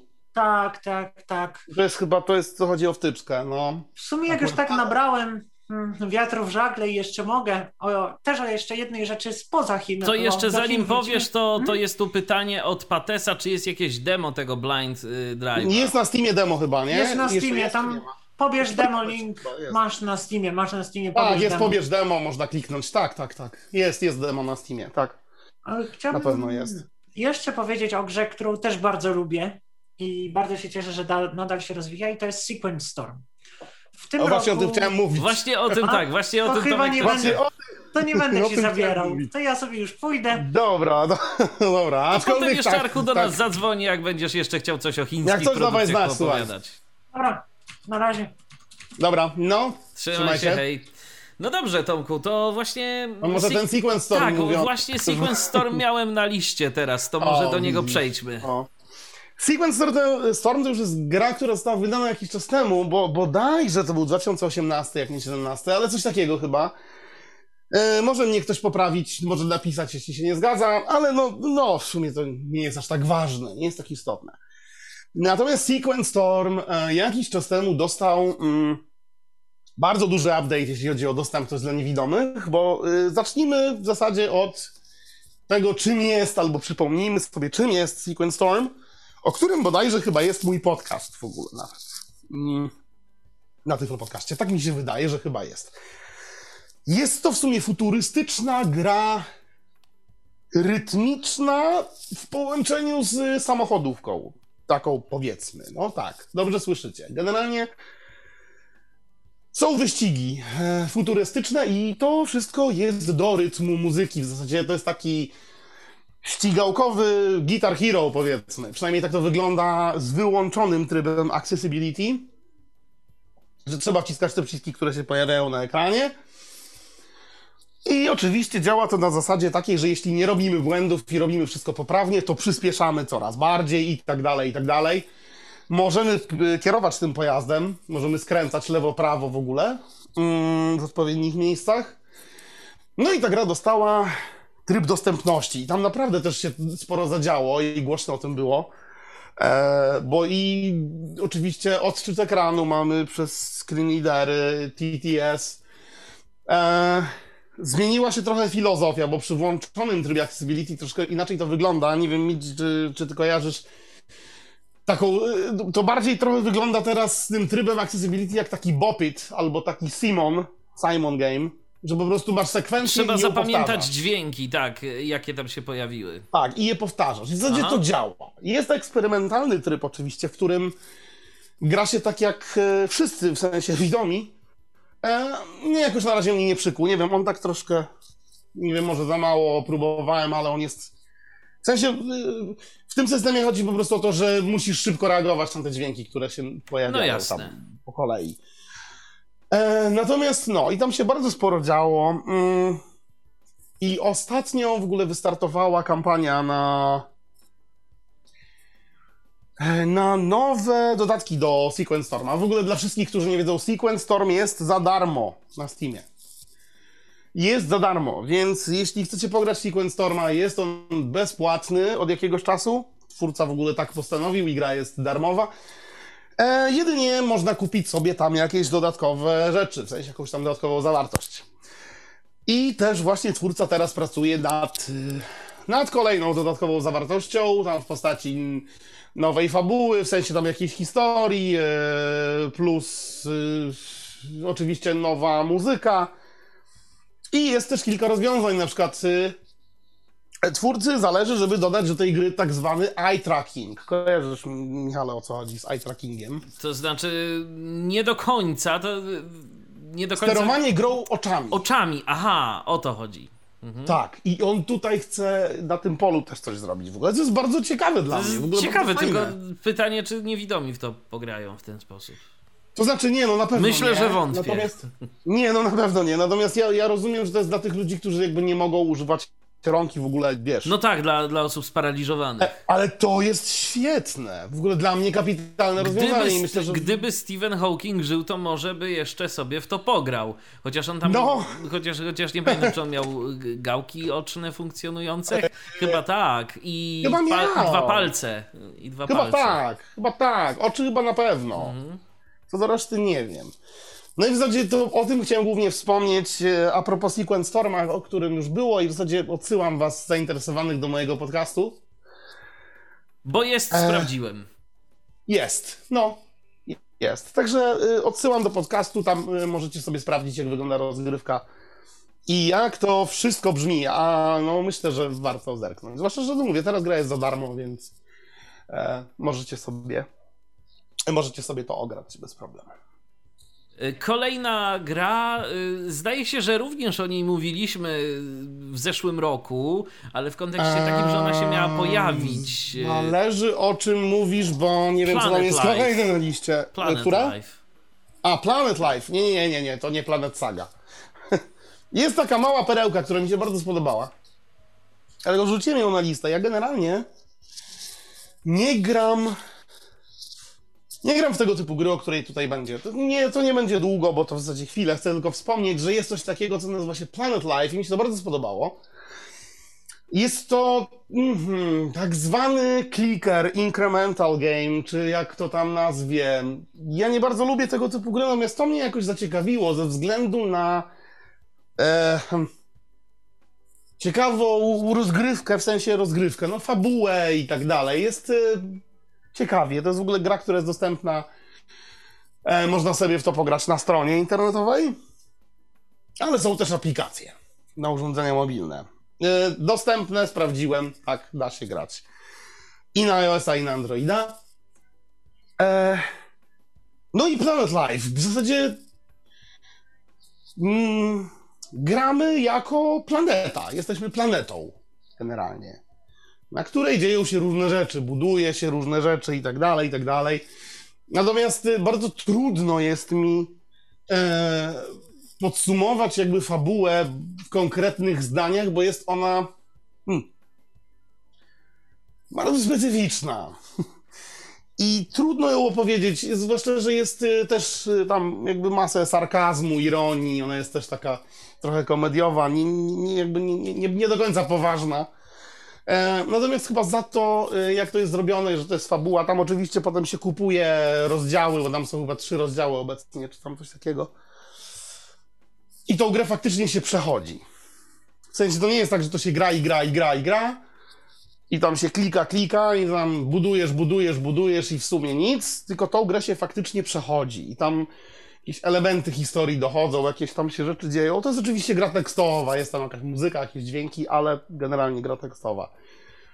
Ale to taka perełka, którą może, jak będziecie chcieli, to, to się zainteresujcie w wolnej chwili. Dobrze kojarzę, tam była jakaś plane, planeta lodówek, coś z lodówkami było, jak, jakieś takie... Coś było, już też dawno temu w to już grałem w sumie, ale bo to z żoną w ogóle graliśmy, moja żona się tym zainteresowała.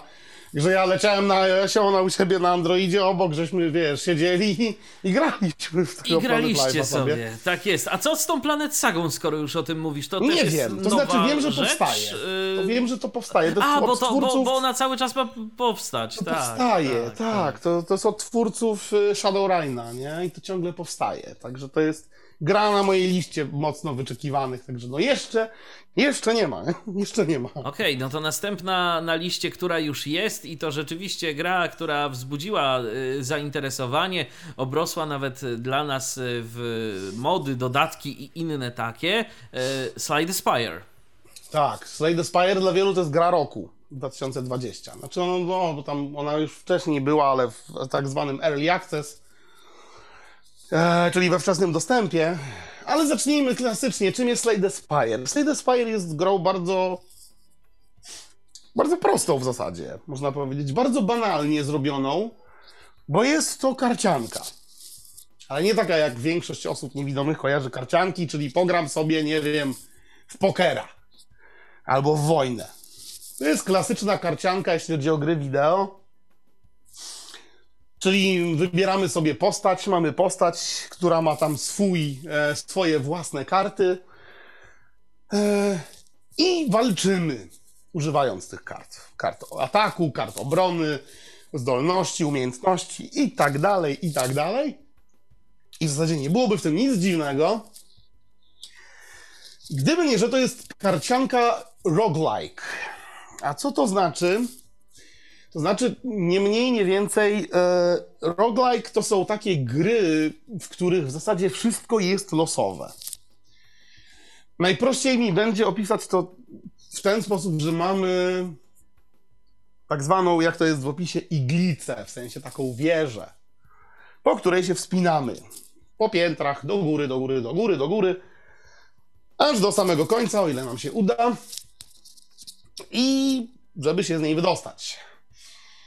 Natomiast, y, żeby to się udało, to trzeba wygrywać z przeciwnikami, bossami i w ogóle, używając zbieranych po drodze lub odrzucanych kart z naszej talii. Zaczynamy zawsze z podstawową talią kart.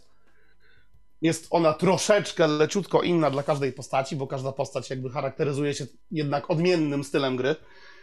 E dla przykładu y, pancernik, czyli pierwsza postać jedyna, która jest odblokowana, to jest taki, no, powiedzmy sobie, typowy wojownik, który, którego karty są nastawione na atak, bardzo na obronę, na budowanie defensywy właśnie i nawet atakowanie w zasadzie tą defensywą, bo też są takie karty.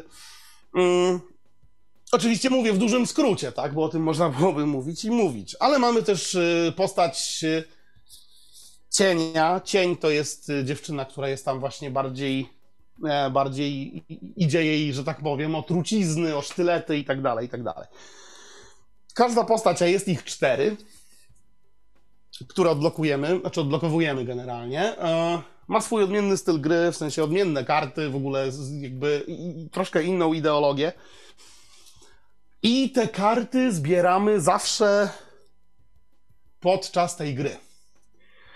To znaczy, mm, zawsze zaczynamy z podstawową talią, tam jest chyba 10 kart, czy 9, nie pamiętam, coś takiego, 10 chyba. A może nawet mniej, kurczę. No ale generalnie mamy podstawową talię, taką bardzo podstawową i po jakby e, podczas tego, jak przechodzimy coraz dalej, to zbieramy sobie tą kartę, tą talię, budujemy ją. Z, karty dostajemy z, z, jakby z różnych, z różnych tak naprawdę miejsc, bo i z przeciwników są karty z pokonanych przeciwnik, przeciwników. E, możemy je znaleźć w tak zwanych znakach zapytania, czyli takich losowych e, eventach, które się tam dzieją. Można kupować w sklepie. Karty również można sprzedawać albo usuwać stali. E, I możliwości jest naprawdę wiele. Dlaczego powiedziałem, że to jest bardzo prosta gra? Bo jest prosta, jeśli chodzi o jej design, jeśli chodzi o to, jak jest wykonana, natomiast to jest gra cholernie trudna. Tak muszę się wyrazić. Bo powiem wam szczerze, że przeszedłem tą grę po raz pierwszy i na razie jedyny po około 36 godzinach gry. Taki miałem licznik. I tam się ginie Co tak naprawdę często. trzeba w tej grze zrobić? Wejść na tę wieżę, czy jak? Trzeba przejść przez to wszystko. Tam są trzy akty. Aha. I wygrywasz wtedy, kiedy przebrniesz przez wszystkie akty, jakby pokonasz ostatniego bossa. Oczywiście trzy akty to nie jest wszystko, bo tam można odkryć akt czwarty. Rozumiem. Którego jeszcze nie odkryłem. I tam dopiero no, czeka na nas takie wyzwanie, że aż ja się boję, co to będzie, jak mi się w ogóle kiedyś uda tam dostać. I wtedy jest koniec gry. Natomiast podszedłem do tej gry z bardzo złym nastawieniem, słuchaj. Mm. Bo podszedłem do, jak, do tej gry jak do każdej innej. Odpalić i zrobić wszystko, żeby przejść. Po kilkunastu godzinach, kiedy w sumie nauczyłem się, jak grać i kart, tak, to nie jest gra łatwa. Więc trochę czasu przyjdzie wam spędzić, żeby poznać wszystkie karty, kombinacje tych kart, e, jak najlepiej je ze sobą łączyć, żeby to było efektowne. E, dopiero po kilkunastu godzinach zdałem sobie sprawę, że w tej grze nie chodzi o to, żeby ją przejść. W tej grze chodzi o to, żeby umierać. prostu, żeby ginąć. Chodzi o to w tej grze, żeby ginąć. Bo każda śmierć uczy, a przynajmniej powinna nauczyć, jakie popełniliśmy błędy. I na podstawie tych błędów e, nasze kolejne podejście i wchodzenie na tą wieżę powinno być lepsze. Rozumiem. No to Bo- rzeczywiście interesujące. Bo, bo żeby tak tylko dodać bardzo szybko, dlaczego tak się dzieje, wyobraź sobie, Mhm. że to jest karcianka, w której e, ty widzisz w większości przypadków, w większości, czasami nie widzisz, ale to już jest kwestia tego, że w tej grze uczysz się przeciwników. Aha. Tu przeciwnicy są. Tu każdy przeciwnik ma swoje zachowanie. Jakieś. I wyobraź sobie sytuację, że z każdą turą, bo to jest gra turowa, ty widzisz, co, co przeciwnik chce zrobić. Czyli, nie wiem, widzisz, że przeciwnik chce cię zaatakować za 10 punktów obrażeń. No. No i teraz musisz coś z tym zrobić. Albo wybronić te 10 punktów, w sensie włączyć sobie obronę taką, żeby akurat przyjęła te 10 punktów i nie odebrała ci punktów życia. Albo jego zaatakować. Albo jego zaatakować, na przykład, nie wiem, zdajesz sobie sprawę, że hmm, mogę to wybronić, ale patrzę, że moje karty na przykład mają, mam trzy uderzenia, każde uderzenie jest za 6 punktów życia, więc łącznie zaatakuje za 18, a on ma na przykład 16 punktów życia. Więc po co mam się bronić? Walnę mu trzy uderzenia i po sprawie, nie? No tak, i on nie zdąży mnie zaatakować. Dokładnie. Oczywiście to wszystko nie jest takie proste, bo tam mamy tak zwane punkty energii. Każda karta kosztuje ileś punktów energii. Jeśli wyczerpiesz wszystkie punkty energii, no to nie zagrasz już żadną kartą i musisz kończyć turę. Po prostu. I jest tura przeciwników. Rozumiem. I ten jakby prosty system, bardzo prosty, naprawdę, yy, pokazuje tą głębię, w sensie głębię tej gry, jakby dlaczego ona jest taka, a nie inna i co w niej jest tak wciągającego, a jest bardzo wciągająca, naprawdę. Strasznie. Ja już mam przegranych, nie wiem, z 70 go- czy 80 godzin generalnie, więc... A co mnie kupiło? Znaczy kupiło, ja tak się śmieję w sumie pół żartem, bo to nie była oczywiście jakaś tam jedyna rzecz, która mnie kupiła, ale przeglądałem sobie recenzję na Steamie tej gry. A na Steamie jest y, przy tej grze napisane recenzje przytłaczająco pozytywne i tam w nawiasie ileś tysięcy coś tam. I była jakaś tam recenzja i człowieczek napisał nie polecam tej gry nigdy, nikomu i w ogóle nie grajcie w tą grę nigdy w życiu. Pod recenzją był umieszczony jego, jego y, czas gry obecny, w sensie ilość godzin, którą miał w tej grze i to było chyba 400 albo 500 godzin. No to faktycznie. To faktycznie nieźle. Kupił mnie, kupił mnie tą recenzją. To jest jak szybko zrecenzować produkt. słuchaj. Dokładnie. I, I jak powiedzieć coś zupełnie innego, co miało się na myśli tak naprawdę. Mhm. E, A tymczasem e, do nas słuchacze dzwonią i między innymi zadzwonił do nas Patryk. Witaj. Halo? Halo, jestem. Jesteś i jesteś już nawet na antenie, także słuchamy cię, Patryku. O tak, e, no właśnie tutaj słyszałem e, tutaj przed chwileczką rozmowę o e, Slade Spire, e, grze, której ja się, jak się można, jeśli to możliwe, zakochałem. W zasadzie od początku, odkąd kiedy mody powstały, myślę, że będziesz to dalej rozwijać.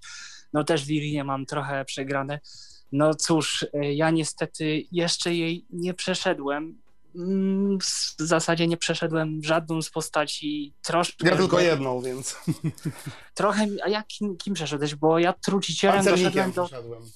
O, to dobry jesteś, bo ja, ty, ja trucicielem doszedłem do e, trzeciego bossa i w zasadzie ten trzeci boss niestety zabrakło mi pewnych rzeczy i cóż. Nie, ja, ja do trzeciego to w zasadzie prawie ciągle już udaje mi się dotrzeć, natomiast mm, no natomiast y, no, raz mi się udało, tak. Ja jestem człowiekiem, który jak gra pancernikiem, to idzie najbardziej w siłę i w bloki. Bo jak siła No to jest... możemy to- dyskutować o tym, prawda? Dokładnie, ale może Patryku coś a Natomiast propos ja twoich y, ulubionych Tak, gier, tak. jakichś ciekawych, co Natomiast byś polecił? Ja się chciałem ciebie zapytać o, o coś, bo ja właśnie gram z tym modem, o którym pewnie będziesz e, mówił. Jak tam, w jaki sposób tam się odrzuca karty? Czy jest na przykład jakiś sposób, że nie wiem, można jakąś napadzie, w sensie jak, jakim przyciskiem się odrzuca, jak Znaczy można odrzuca, zobaczyć karty stół odrzucasz- odrzuconych? Aha. W sensie jak odrzuca, bo nie wiem, czy dobrze rozumiem. W sensie chodzi ci podczas walk? Tak, znaczy y, podczas walk jakby tymi kart, czy można na przykład odrzucić jakieś e, karty, które na przykład w danej chwili nie chcesz zagrać? Nie, chcesz- nie.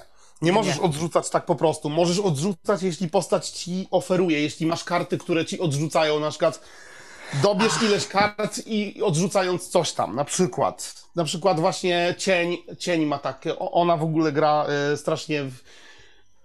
Cień w ogóle ona, oprócz tego, że trucizny i sztylety, ona bardzo dużo robi z mieszania talią. W sensie ona dużo odrzuca, dużo dobiera i z tego można niezłe kombo Właśnie nie rozumiem jednego z opisu, bo na przykład jest taka karta, e, dobierz, e, dobierz wszystkie karty i, do, i odrzuć wszystkie karty i dobierz ich taką samą ilość.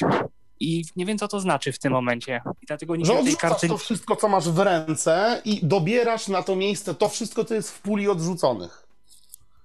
Aha. Taką tak samą to działa. ilość odrzucasz z puli, która już jest odrzucona i za to poświęcasz te wszystkie karty, które masz w ręce, bo one trafiają na to miejsce w pule odrzuconych. Mhm. A da się sprawdzić, powiedz mi, da się sprawdzić na przykład e, stos odrzuconych, bo jest taka karta, która na przykład blokuje Da się sprawdzić. za nie ilość pamiętam odrzuconej karty. którym, nie pamiętam którym napadzie, ale któryś z tych e, R1 czy tam L1, nie pamiętam, ale gdzieś tam u góry z tych, e, Aha. tam są Okej. te meni z, z, z kartami, tam sobie Ja mam podejrzeć. Xboxa akurat, e, czy z 60. No ja mam Dobra. PS4, więc jakby dlatego. No. Natomiast Natomiast- możesz, możesz Mhm. Natomiast y, ja chciałem powiedzieć o innym roguelike'u, skoro już tak, y, tak mówimy, a nawet o dwóch, o jednym roguelike'u, który swego czasu jest na PC-cie. Znaczy, to zrobił taki deweloper Lazy Cat. Znaczy, on nie tyle co zrobił, to zrobił dostępność, czyli dodał tam i speaka. M- mówię tutaj o Bro- Brugu Speak, Brogu SP, jak się to pisze. No i to jest, nie wiem czy słyszałeś o tym, to jest coś Nawet takiego, chyba kiedyś coś próbowałem, ale jakoś coś mi nie pykło, nie wiem. Nie wiem. No, natomiast też to jest ciekawe, bo po prostu musimy dojść też do końca, y, uważając na przeszkody w postaci na przykład gazu, który się gdzieś tam wydobywa i nie musimy- udało mi się w to jakoś zagrać tak efektownie, więc nie wiem. Natomiast jest coś takiego, jeżeli sobie wpiszemy brogu SPAC w Google, to na GitHubie znajdziemy odpowiednią sekcję z GitHuba albo z Audio Gamesów, ściągniemy. Mi się bardzo, co też spodobało. To ma normalnie jest, dźwięki, wszystko, czy jak? Czy to taka tekstówka? Tak, bo ja nie tak. wiem. tak, dźwięki, dźwię, dźwięki, No Muszę, dźwięki. muszę zobaczyć, bo jakoś, jakoś, jakoś kiedyś, kiedyś pamiętam, że coś patrzyłem, ale nie wiem, coś mi tam nie zadziałało chyba. Mm, Nawet to mają wskrzesić. Natomiast jest, jest jeszcze jeden roguelike, co prawda już jest tekstowe bardziej, mobilny. Patch of, Patch of Adventure. Mm, To jest y, też to jest też gra tekstowa, gdzie po prostu przechodzimy fabułę, wybieramy ścieżki, które jak to w roguelike'ach bywa, y, kończą się dla nas albo śmiercią, mm, albo zwycięstwem. Mówiąc, bo nie chcę się tutaj rozg- rozmawiać na ten temat, no bo ja jednak za tekstówkami nie, przez, nie przepadam, natomiast jest coś takiego, y, Patch of, of Adventure i to jest darmowe. No też nie można- jakby, więc e, rzadko Natomiast ja chciałem powiedzieć troszeczkę o rynku mobilnym y, w, w takim sensie o grze, której została zaimplementowana dostępność, która moim zdaniem jest ciekawą produkcją. Jest to poniekąd in- incremental, natomiast no mi się podoba. Od Metal Pop właśnie. No tak, typowy incremental. Galactic Colonies, tak? Właśnie, właśnie, właśnie o tej produkcji miałem mówić, która jest dostępna. Możemy, po prostu zajmuje się, zajmujemy się kolonizowaniem planet. E, musimy robić, spełniać jakby każde, każda planeta, którą odwiedzamy, ma swoje zadania. Musimy y, robić tak, żeby mieszkańcom tych, tej planety się żyło dobrze, czyli musimy dbać o to, by mieli co jeść. Mhm. Każdy budynek musimy z każdym połączyć, żeby jakby wszystko działało, czyli nie wiem, farmę musimy połączyć magazyn z magazynem, żeby jakby jedzenie tam było do magazynów y, przechowywane, natomiast magazyny połączymy z domostwem, czyli jakby z tymi kwaterami, gdzie tam się osiedlają nasi koloniści. No i mamy różne zadania, i to jest moim zdaniem ciekawe, bo nie mamy aż tak dużo czekania, aż się coś zrobi. Jedyne na No to co już jak naprawdę. rozumiem jest wydane normalnie i tak dalej, bo ja to testowałem w Early Accessie, więc znaczy w takich To testach. jest, to jest wydane, natomiast ja muszę od razu powiedzieć, z czym jest problem. Niestety, jak badamy sobie niezbadane, niezeksplorowane obiekty, bo tam jest coś takiego, że możemy sobie No tak. odwiedzać obiekty, które są niezeksplorowane, to jeżeli budujemy jakieś rzeczy i na przykład łączymy coś z czymś, to nagle się dziwnym trafem okazuje, że nie możemy jednego budynku połączyć z drugim. Deweloper o tym wie. Czyli dalej nie rozwiązali tego błędu, który był. Trzeba przeładowywać mapę, ponieważ mapa się nie odświeża dla voiceovera. Niestety, niestety Mhm. i to jest niestety problemem, który sprawił, że ja to odrzuciłem niestety, granie w to. No tak, czyli to był błąd faktycznie, który gdzieś tam wisiał. Ale znając ich, to na pewno to rozwiązam, bo, rozwiążę, bo Michelle, która jest deweloperką bardzo ambitną w ogóle tego całego plugina, wie co robi. Także No tak. Natomiast chciałem powiedzieć o produkcjach, które, o których zupełnie, zupełnie zapomniałem, a które już jakiś czas temu wyszły na rynek, na przynajmniej na iOS, o dwóch JRPG-ach, które mi się udało, inaczej jest trylogia tego, mi się akurat podało, udało pograć w dwie gry, e, czyli mm, Battle Arena e, i Adventure to Fate. To się generalnie tak ta trylogia nazywa. To jest coś, co ja testowałem już w To 2016 trzecia roku. część jest, a to trzecia część jest jakaś nowa, czy? Nie, nie, nie, nie, nie, nie, nie, bo A, czyli to było, bo ja Fate, wiem, bo też... nie, bo Quest to to the Future to jest jakby jedynka i ona podobno, ja jej nie mam, ale ona podobno jakoś tam jest grywalna. Potem jest Battle Arena, czyli to, co jest darmowe, mm, natomiast ma tam jakieś mikropłatności, no i trójeczka to jest yy, Adventure to Fate, Quest to, to the Arena, czyli tam trzecia część, którą ja testowałem. I właśnie chcę powiedzieć o tym, to jest, to są gry turowe generalnie, ale co gościu, bo co gościu zrobił ciekawego, że jest to gra y, w systemie top-down, czyli mapa, mapę mamy z góry. Y, To jest fajne, że możemy tą mapę sobie pomacać. Że wszystko, No tak. wszystko tam jest dla voiceovera opisane. Ściana, e, drzwi i, na, i tam punkt, gdzie jest nasza postać. I w podpowiedziach do voiceovera, to jest moja sugestia, każdy pokój, każdy room ma swój numer i wszystko jest tam dostępne. No musimy dużo eksplorować. To jest gra, która w zasadzie chyba nie ma żadnej fabuły, zarówno do pozostałe No trzy części, tak za bardzo, bo ona tam jest niepotrzebna. Musimy po prostu Ale przechodzić w tą wszystkie ostatnią nie grałem, ale ona jest dostępna, tak? Tak, tak, tylko jak y, poruszasz się flikami i na przykład jesteś w ekwipunku, to niestety fliki widzą też ściany, mimo że ty tych ścian teraz nie chcesz widzieć, no bo jesteś w ekwipunku, więc musisz to eksploracją ogarnąć, natomiast jest to moim zdaniem ciekawe, jest to coś, co warto polecić. Battle Arena na początek, Mhm. on jest darmowy, tam za wiele chodzenia nie ma, bo tam po prostu chodzisz po piętrach i rozwalasz wszystkich i jedyne co tam, po czym się poruszasz, to jest sklep i tam jeszcze jakieś coś, że można między postaciami przedmioty przenosić. To w zasadzie jest wszystko, także za trój, trójkę i jedynkę trzeba zapłacić, natomiast mm, Battle Arena jest jak najbardziej darmowa. Mm, Tam nic, nic to nas nie kosztuje. Polecam. No też mogę polecić. Trochę, trochę się bawiłem, przynajmniej pierwszą częścią i tak. No, czyli rzeczywiście wniosek z tego taki, że w 2020 roku gier było sporo i sporo pojawiło się interesujących produkcji. Y, Patryku, czy coś jeszcze nam polecisz? E, No ja mam nadzieję, Tomku, że ty powiesz o Dzikim Zachodzie. Przepraszam, coś mnie... coś mi się słucha. Myślę, że powiesz o dzi Dzikim Zachodzie, tak?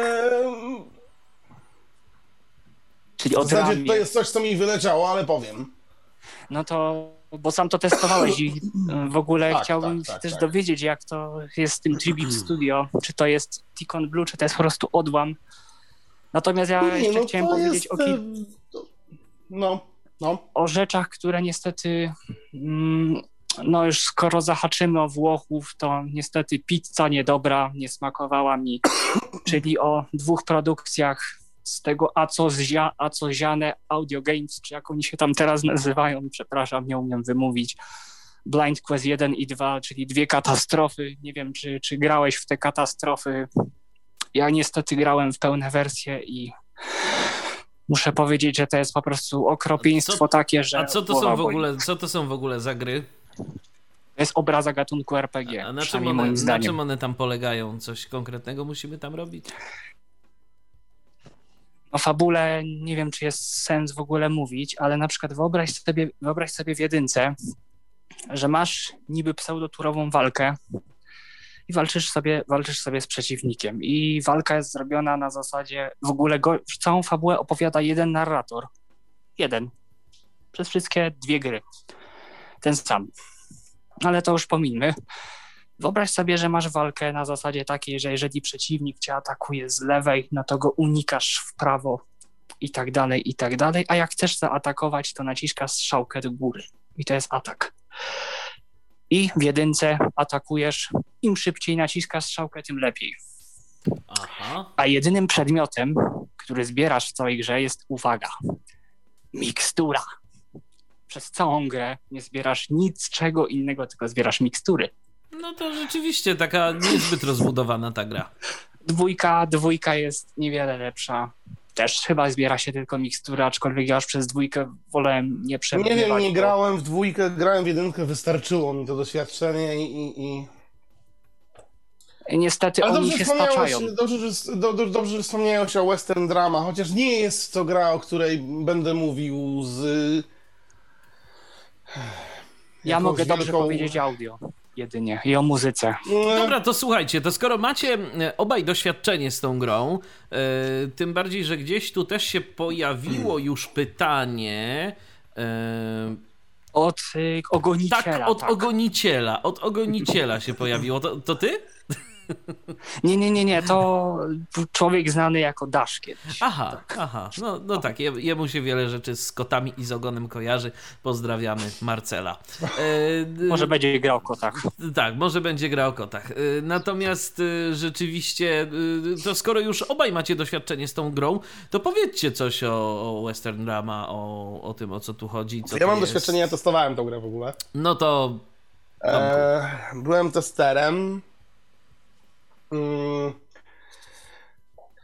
Co mógłbym powiedzieć o tej grze? Generalnie powiedzmy taka gra mm, fabularyzowana, w sensie no tam masz jakąś historię, właśnie Dziki Zachód. cowboye. E, no, jak to się mówiło u nas, komboje, nie? No Kiedyś. tak, komboje. e, Komboje, no to... Ładne zabójstwa. Napady na banki pewnie jakieś. No, może nie, No, ale trzeba, ale jest płatnym zabójcą, który musi, za, gramy płatnym zabójcą, który musi zabijać za pieniądze. A, Tak. No. I co mogę powiedzieć o tej grze? W zasadzie to trochę jak hmm, audiobook, bo w sumie dużo się tam słucha gadaniny, bardzo, że tak powiem, wątpliwej jakości gry aktorskiej. Bo tam, o ile pamiętam, w ogóle chyba tylko trzy postaci grają. Wszystkie postacie, a jest ich trochę. E, e, I są to. To wszystko jest przeplatane takimi scenkami, gdzie tam się gra. Albo się idzie, i to jest oczywiście bardzo oklepany schemat. Yy, idziemy sobie, wciskamy przycisk, żeby usłyszeć postać, która nas woła Come here! Jak No. w Blind Legend. Tak. I musimy tam dotrzeć, po czym odpala się kolejna cutscenka jakaś i słuchamy, i słuchamy. Mamy strzelanie, które może nawet nie jest takie złe, chociaż dźwiękowo nie wiem skąd oni wzięli te dźwięki rewolwerów, ale Brzmi to jak rewolwer petardy nie na brzmi. Nowy Rok. Mi No, się to z tak. petardami kojarzy. Em, sceny strzelaniny są w sumie zrobione tak jak wiele rzeczy, które już widzieliśmy, czyli reakcje. E, czekamy w ukryciu, aż przestaną strzelać i nagle w lewo, w prawo albo do przodu strzelamy i tak. W zasadzie tylko tyle. Jak się tego wyuczysz na pamięć, to gra jest very easy. Niestety. No tak, jest, jest, tak, to przez to się płynie. Oczywiście są jakieś kwestie jazdy konnej, ale to oczywiście nic nowego, to jest jazda konna. strzelanie gdzie na koniach nawet. Też, ale to wszystko jest to znowu to samo, to jest kwestia reakcji na dźwięki, typu nagle musisz, o, po lewej, to wciskam w lewo, w prawo. Tak mniej więcej, żeby już tam nie rozdłubywać tego systemu na części pierwsze.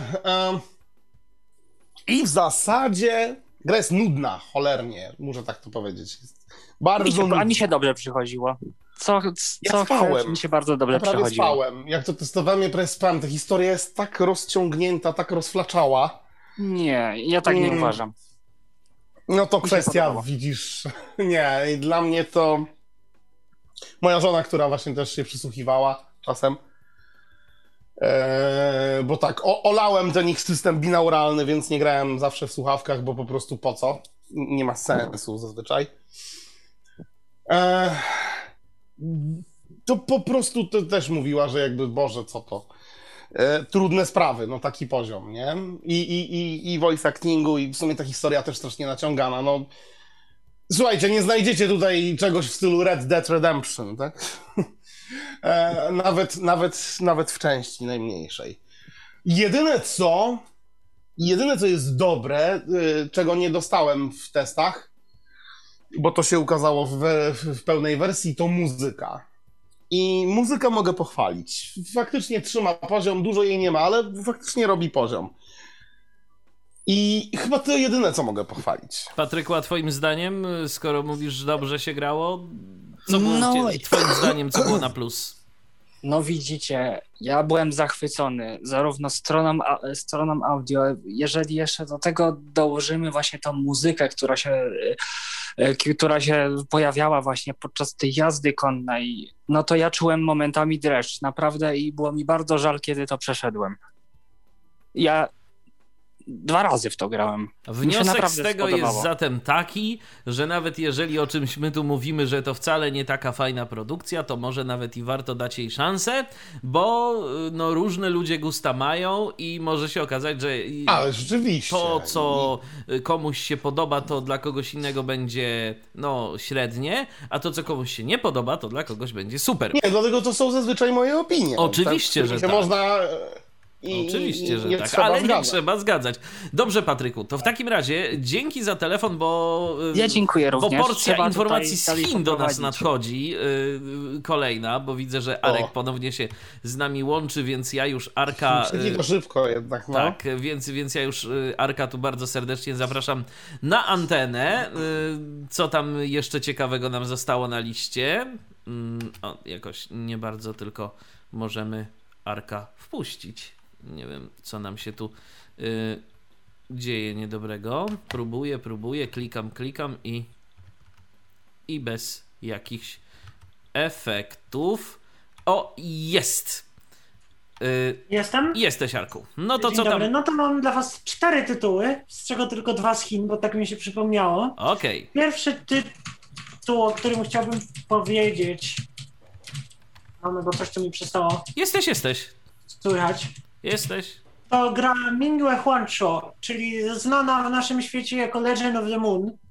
Jest to gra od dewelopera 1942 i gra ta opowiada o młodym chłopaku, któremu to jest generalnie mm, taki styl chiński, no tak jak u nas jest, nie wiem, fantazy, e, powieści tendencyjne, whatnot. Tak w Chinach jest e, taki gatunek, który nazywa się wuxia, czyli opowieści o, e, o sztukach walki. I to opowiada o chłop, młodym chłopaku, który ćwiczył właśnie sobie sztukę walki, czyli notabene walkę mieczem. I pewnego dnia y, zobaczył ze swoją siostrą, zaobserwował takie zjawisko, jakby krwawy księżyc. Czyli, że księ, księżyc był cały czerwony, wyglądał, wyglądał sobie jak właśnie taka krwawa łuna. I w pewnym momencie y, tam w tym miejscu, gdzie oni ćwiczyli, pojawiła się grupa ludzi w czerni i wszystkich wybili, czyli tam mm, te, tego jego mistrza i on uciekł z tą siostrą. Jako, że ta siostra chciała go chronić przed tymi ludźmi, to ona go wrzuciła w przepaść, no i nie wiadomo, co się stało z tym chłopakiem. I grę zaczynamy 7 lat później, kiedy on przychodzi na grób swojego mistrza i mówi, że tak, jestem już gotowy, żeby was pomścić. No i mamy tutaj do czynienia z grą hmm, RPG, która ma takie standardowe elementy RPG. Hmm, mamy crafting. Crafting jest bardzo ważny, jest fajnie rozbudowany ten crafting, bo e, mamy e, różne części ekwipunku, możemy tworzyć z różnych zwierząt, pozyskiwać różne materiały. No i generalnie mamy, mm, mamy naszym celem jest no, przejść grę po prostu. Nie będę więcej zdradzał na temat fabuły. E, tutaj wiem, że Lirin narzekał na nawigację e, w Legend of the Moon, chyba w pierwszym demie, tak? W tym takim, który ja dostałem, żeby wam pokazać, w sensie zachodnim graczom, bo ja tą grę testowałem mhm. już jakiś czas wcześniej. E, wyszło drugie demo, deweloper jakby posłuchał Lirina i wprowadził nawigację. Teraz słyszymy ładnie, elegancko, gdzie są przejścia, gdzie są NPC, gdzie są... E, właśnie to demo, ale jeszcze, jeszcze, jeszcze, jeszcze się nie bawiłem, ale mam. No, także, także tak. Gra jest dalej w fazie rozwoju, bo e, tą grę kupujemy, kosztuje ona 30 dolarów e, i w momencie, kiedy ją kupimy, to mamy po prostu dostęp do całości mm, gry, która po prostu się tworzy, bo mm, generalnie w Chinach jest taki model wydawniczy gier single player, że my kupujemy grę i my tą grę otrzymujemy jakby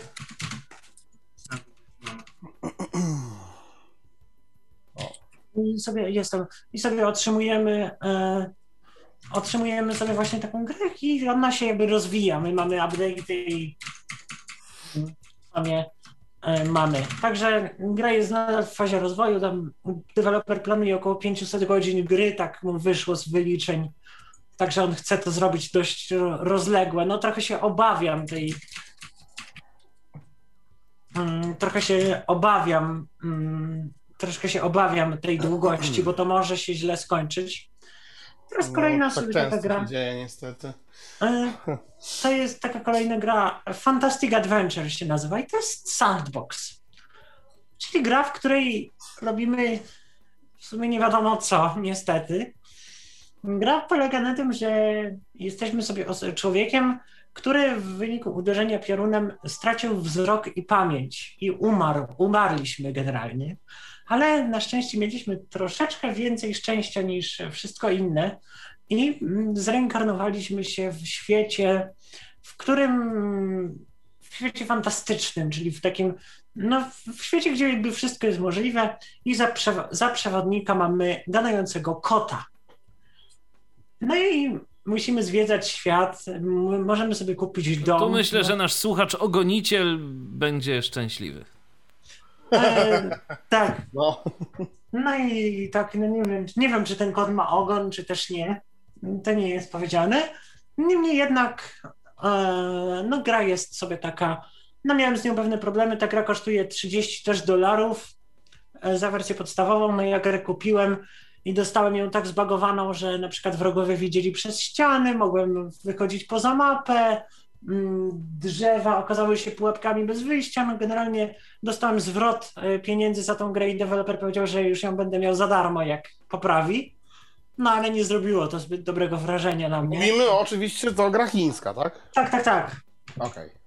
No i taka sobie to jest gra. No jest, mamy jakby pięć światów, e, czyli zaczynamy w takim sobie średniowiecznym świecie, potem mamy jakieś futurystyczne, mamy jakiś park jurajski czy coś i przechodzimy, jakby każdy świat ma swój ukryty jakby cel. My nie znamy jakby co spowoduje przejście do, do kolejnego. To jest właśnie cała zabawa, która e, w tej grze jest. I teraz e, prze, przejdę szybciutko do dwóch gier mobilnych, które mnie po prostu ujęły. Zaczniemy od gry Untold RPG, która po prostu rozwaliła mnie. Uwielbiam takie gry i nie myślałem, że na telefonie będę się tak świetnie bawił. Jest to gra, jest to RPG, Dark Fantasy, które opowiada, gramy kimś.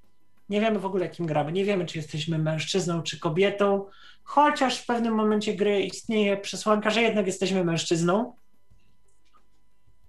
Ale to chyba deweloperzy po prostu trochę jakby pomylili się i zrobili coś o jakiej grze dokładnie mówisz? Bo O, syn- un, o Untold, o Untold. Untold. A, mam, mam, ale jeszcze, Niesamowita gra. jeszcze aż tyle nie grałem, chociaż bardzo mi się klimat podoba. Strasznie To o co w tej grze chodzi? To Wróćmy jest może gra, do tego. Wyobraź sobie takie bardziej rozbudowane serce zimy. Aha, czyli No, taki no tylko, że audiobook audio, w sensie to jest interaktywny. Taki, nie, nie, to jest Nie, tak no, to właśnie, jest- to jest tekstowe. Tekstowe. No ale wyobraź Taka sobie, ale mechanicznie. nie? Rozumiem.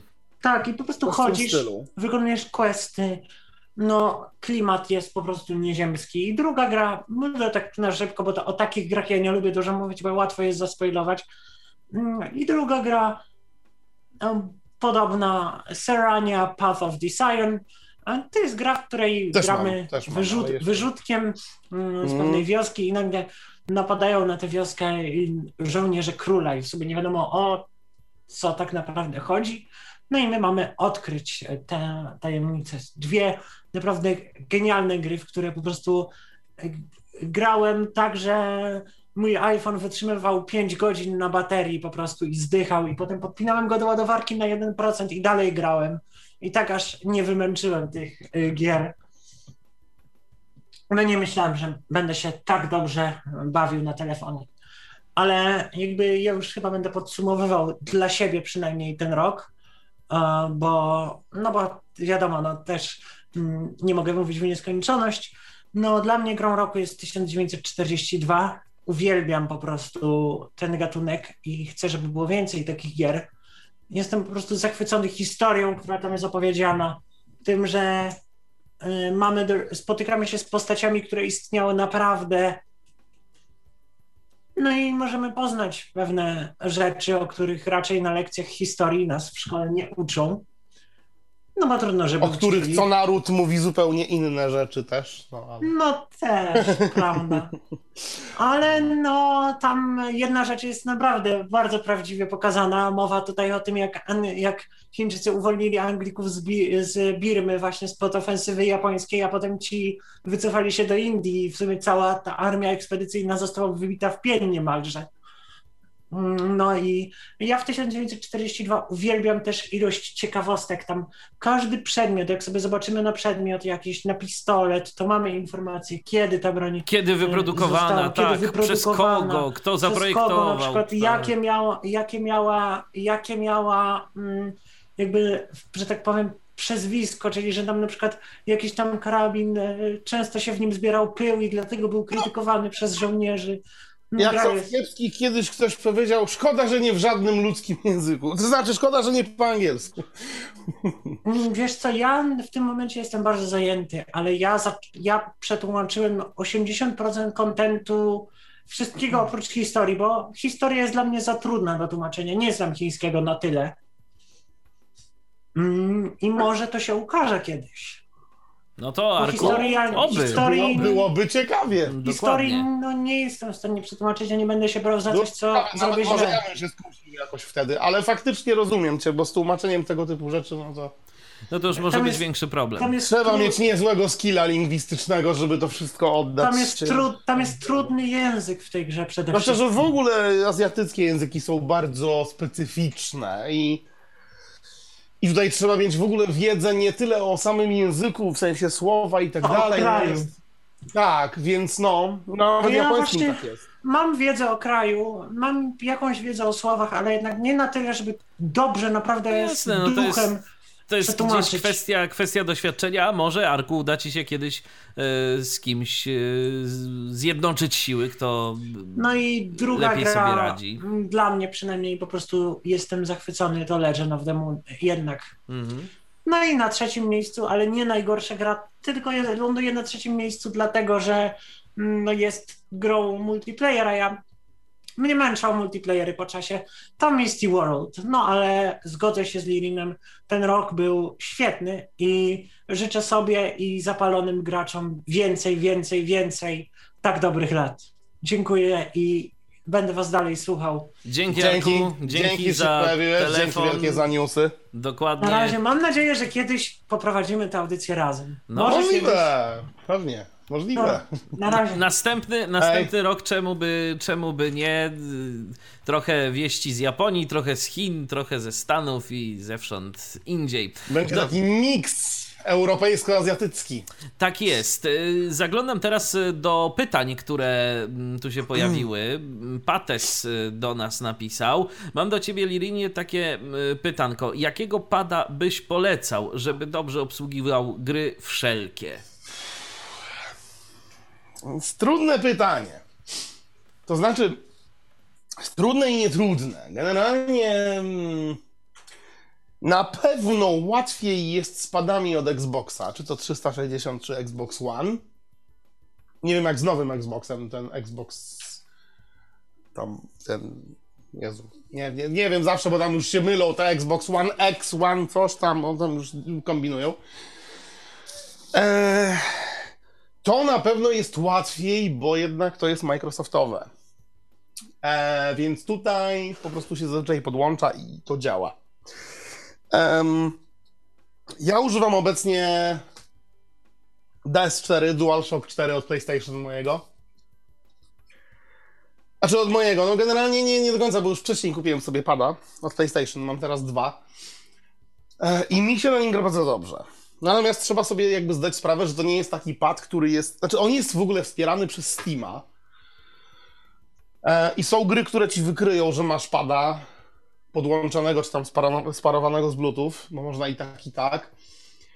I odpalisz tą grę i ona ci będzie funkcjonować. Natomiast zazwyczaj używam takiego narzędzia DS for Windows. DS4 Windows generalnie się, się to pisze. I to jest takie małe narzędzie, które generalnie ma ci emulować tego pada od, od PS4 na zasadzie, że on go wykrywa jako pad od Xboxa. Taka mała sztuczka, żeby gdzieś tam system oszukać i jednak, żeby ten pad był wspierany. I zazwyczaj to robię. Jaki pad z tych dwóch? To już jest twój wybór. Ja chyba tylko te biorę pod uwagę. Mm, Nie bawię się w jakieś tam tańsze Logitechi i różne dziwne inne, bo jakoś nie mam do nich zaufania. A jakiego Więc- rzędu są to koszty? Około 200 zł.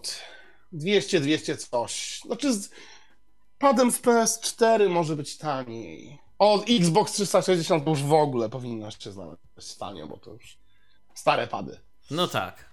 No dobrze. Tylko kupować, tylko kupować na kablu. Od Xboxa 360 tylko na kablu. Tylko na kablu. nie kupować bezprzewodowych, bo tam był e, w Xboxie 360 był troszkę inny jakiś system. Tam nie było Bluetooth ani nic. Tam był jakiś tam, nie pamiętam dokładnie co za system, natomiast tego się chyba nie da używać z Windowsem, chyba że masz jakiś tam dongle czy coś, bo chyba było, ale nie pamiętam. Natomiast jeśli chodzi o pada od Xboxa 360, to na kablu, czyli, czyli tak zwany wired. Tak jest. Zaglądamy do kolejnej wypowiedzi. Tym razem Piotr do nas napisał. Moim zdaniem, jeśli naprawdę chcemy wspierać deweloperów, to warto, krupo, to warto kupować z itch zamiast e, Steam. Nie dość, że po zakupie dostajemy grę bez zabezpieczeń i możemy pobrać ją sobie z przeglądarki, to serwis bierze znajomym. sobie tylko 10% prowizji od każdej sztuki. Steam natomiast bierze 30%. Jeden faktyczny num- minus itcha jest taki, że z reguły ceny gier są nieco wyższe niż na Steamie e, i nie zawierają podatku VAT, który jest naliczany dopiero przy kasie. To taka Tak, to, wypowiedź. od- to tak. Mhm. Też tu, to znaczy, no, to są kwestie podzielone. No ja. Ja lubię Steama, no po prostu mi się z tego wygodnie korzysta i ja mam wszystkie gry jakby w jednym miejscu, jednym mam miejscu. bibliotekę i, Mhm. i to jest wygodne, to jest okej i ja nie mam z tym problemu, a większość twórców i tak wyda na Steamie czy gdzieś tam, bo na, yy, bo na Itchu Oczywiście jest sporo niezależnych twórców, ale mimo wszystko każdy taki twórca będzie wolał to wydać najpierw na Steamie. Jest to dużo bardziej popularna platforma. Nawet jeśli Steam bierze więcej, to ten człowiek ma mimo wszystko większe szanse na tym, że więcej na tym zarobi. Eee, Itch jest też rozpoznawalny, jest to znana platforma, ale nie aż tak, umówmy się. Więc szanse są dużo wyższe. Um, na Steam jest wygodny, no mówię. No tak, Mam no bibliotekę przede pod ręką wszystkim, i przede tyle. Nie muszę jest- nic trzymać na dysku, nie muszę się logować na itcha, żeby gdzieś tam coś.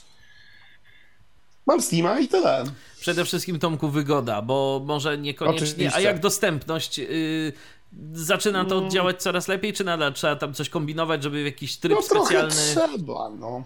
Trochę chodzić. Mhm. trzeba, no. Trochę trzeba kombinować, ale wiesz, no, to się da zrobić, nie? No jasne, jasne. To jest, to, jest, to, to jest aplikacja z typu jak chcesz, to dasz radę. Jak nie chcesz, będziesz marudzić, nie? Bo to nie jest apka, która jest totalnie niedostępna. No I tak. tak jak y, chociażby znienawidzony przeze mnie Epic Game Store, czyli taka alternatywa dla Steama, która to w ogóle nie jest dostępna. Absolutnie. Tam się w zasadzie nie da zrobić nic i tu nie ma obejścia. E, Steam jest ok, tam się da zrobić w zasadzie wszystko. No. Trzeba tam chwilę obczaić, jak działa ta cała filozofia tej platformy. Ale jak ale to już okej. załapiemy, to damy radę. Pewnie. Tak, Mm. y, tymczasem jeszcze ogoniciel do nas napisał, muszę nieco skorygować, bo gra o kotach mojego autorstwa już jest i nazywa się Mao Adventure. Y, Jest bardzo prosta, trochę zbagowana, ale napisana y, i napisana kiepsko od strony programistycznej, ale jest. Nie jest to nic wielkiego i nie brałbym tego na poważnie jako dobrą grę, bo całość polega przecież tylko na głaskaniu kotów. Mamy Ja myślałem, to... że trzeba za, zamykać za nimi drzwi od mikrofali. No nie, właśnie trzeba głaskać. Mamy na to kilkadziesiąt sekund i wyświetla się alfowy humor mi się. wynik. Y, Napisałem. y, A napisałem, bo nie było nic o kotach i e, na zabicie czasu. No okej, no to fajnie.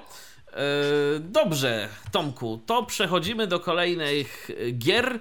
Tym razem Dwóch be- chyba tak, dwie gry jeszcze mamy. I to Będzie- są gry, które wrzuciłem Hmm, jako ciekawostkę, bo nie są to gry dostępne dla niewidomych. Będziemy zmierzać teraz do Hadesu. Do, o tak. I, i, i- to wam powiem, że są takie gry, o których bardzo chętnie porozmawiam i bardzo chętnie o nich wspominam. I, i to są gry cudowne, które mm, z założenia absolutnie nie miały być i nie mają być dostępne dla niewidomych. W praktyce okazuje się, że całkiem przyjemnie się w to gra i da się w to grać. Absolutnie się da w to grać. Hades to jest właśnie ta gra, gdzie spędziłem obecnie na liczniku mam chyba około 80 godzin. Mm.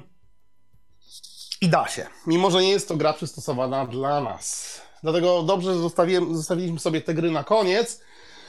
I zostawiam wam to jako ciekawostkę. Oczywiście spokojnie, już mówię o co chodzi i tak dalej. A nie zostawię was z niczym. Hades, jak nazwa może sugerować, zabiera nas w zasadzie do Hadesu. Do Hadesa nawet. Czyli krainy, krainy umarłych. Tak, jest to gra garściami czerpiąca, ba, w zasadzie jest to gra, która rozgrywa się w tym świecie mitologicznym. A ja bardzo uwielbiam tą mitologię w ogóle, nawiasem mówiąc. Em, I w tej grze gramy jako w ogóle jesteśmy Zagreusem, synem Hadesa, który to postanowił sobie uciec z piekła. To znaczy y, opuścić swój dom.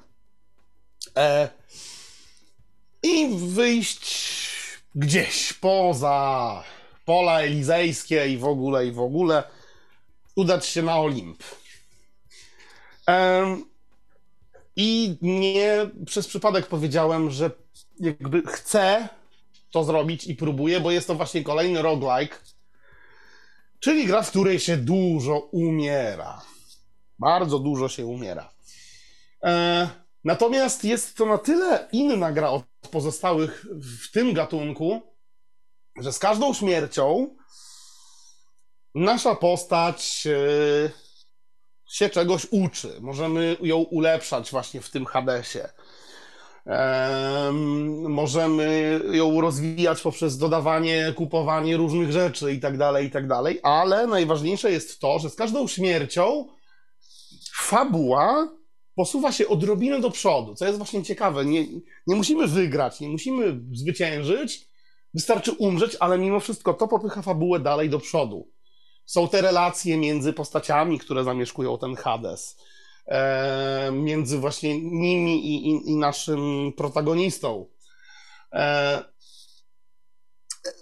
co jest też ciekawe, są bóstwa z Olimpu, które nam pomagają podczas prób wydostawania się. Mówiąc w skrócie, jeśli chodzi o sam gameplay, w sensie o samą rozgrywkę, to jest trochę taki hack and slash, w sensie trochę jak Diablo, gdzie poruszamy się po małych pokojach takich z rzutu izometrycznego, w sensie tak z lotu, no chociaż nie do końca, bo tam jest tak z boku też trochę kamera. Ale generalnie poruszamy się północ, południe, wschód, zachód, tak mniej więcej. No i tłuczemy wszystko, co tam na nas nasz Hades, ojciec niedobry, zsyła, próbując nam przeszkodzić w tym wydostaniu się na powierzchnię. Dlaczego powiedziałem, że to jest gra w zasadzie, która jest y, grywalna? Dlatego, że mm, nie mamy w niej w zasadzie żadnych opcji dostępności poza dwoma w zasadzie. Jedna to jest taki tryb boski, to się nazywa, taki God Mode i nie, nie oznacza to, że jesteśmy nieśmiertelni. Po prostu jest troszkę łatwiej. Gra nie jest tak hardkorowa, co jest jednak dla nas dużym ułatwieniem, ale nie bójcie się, nie jest łatwo i tak. A druga to jest tak zwany aim assist, czyli e, asysta namierzania generalnie. To się bardzo przydaje. W grze jest generalnie głównie broń biała, czyli tam e, miecze, włócznie, ale są też łuki, bronie strzelające, gdzie to namierzanie jednak się przydaje i ta asysta w tym i to bardzo dobrze działa. Dźwiękowo jest to majstersztyk. Słychać w zasadzie prawie, albo nawet nie prawie, w zasadzie każdą akcję. Czyli też dźwięki, których się po prostu trzeba nauczyć. Tak, dokładnie. E, I teraz może ktoś mnie zapytać, no dobrze, ale co z eksploracją? W zasadzie eksploracji nie ma, bo to jest taka gra, gdzie do samej drogi, że tak powiem, do końca cała jakby tam, cały ten świat jest podzielony na takie małe pokoje. Po zabiciu przeciwników zbieramy e, jakiś tam skarb, jakieś ulepszenie, bo każdy pokój ma jakieś inne tam coś.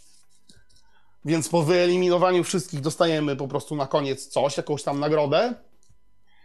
Po czym odblokowywują nam się drzwi do przejścia do kolejnego pomieszczenia. Co jest ciekawe, słychać, gdzie te drzwi się odblokowywują. Więc y, po tym można wywnioskować, w jaką stronę iść i gdzie te drzwi są, żeby przejść do następnego pomieszczenia. Są oczywiście łatwiejsze momenty, miejsca w grze i trudniejsze.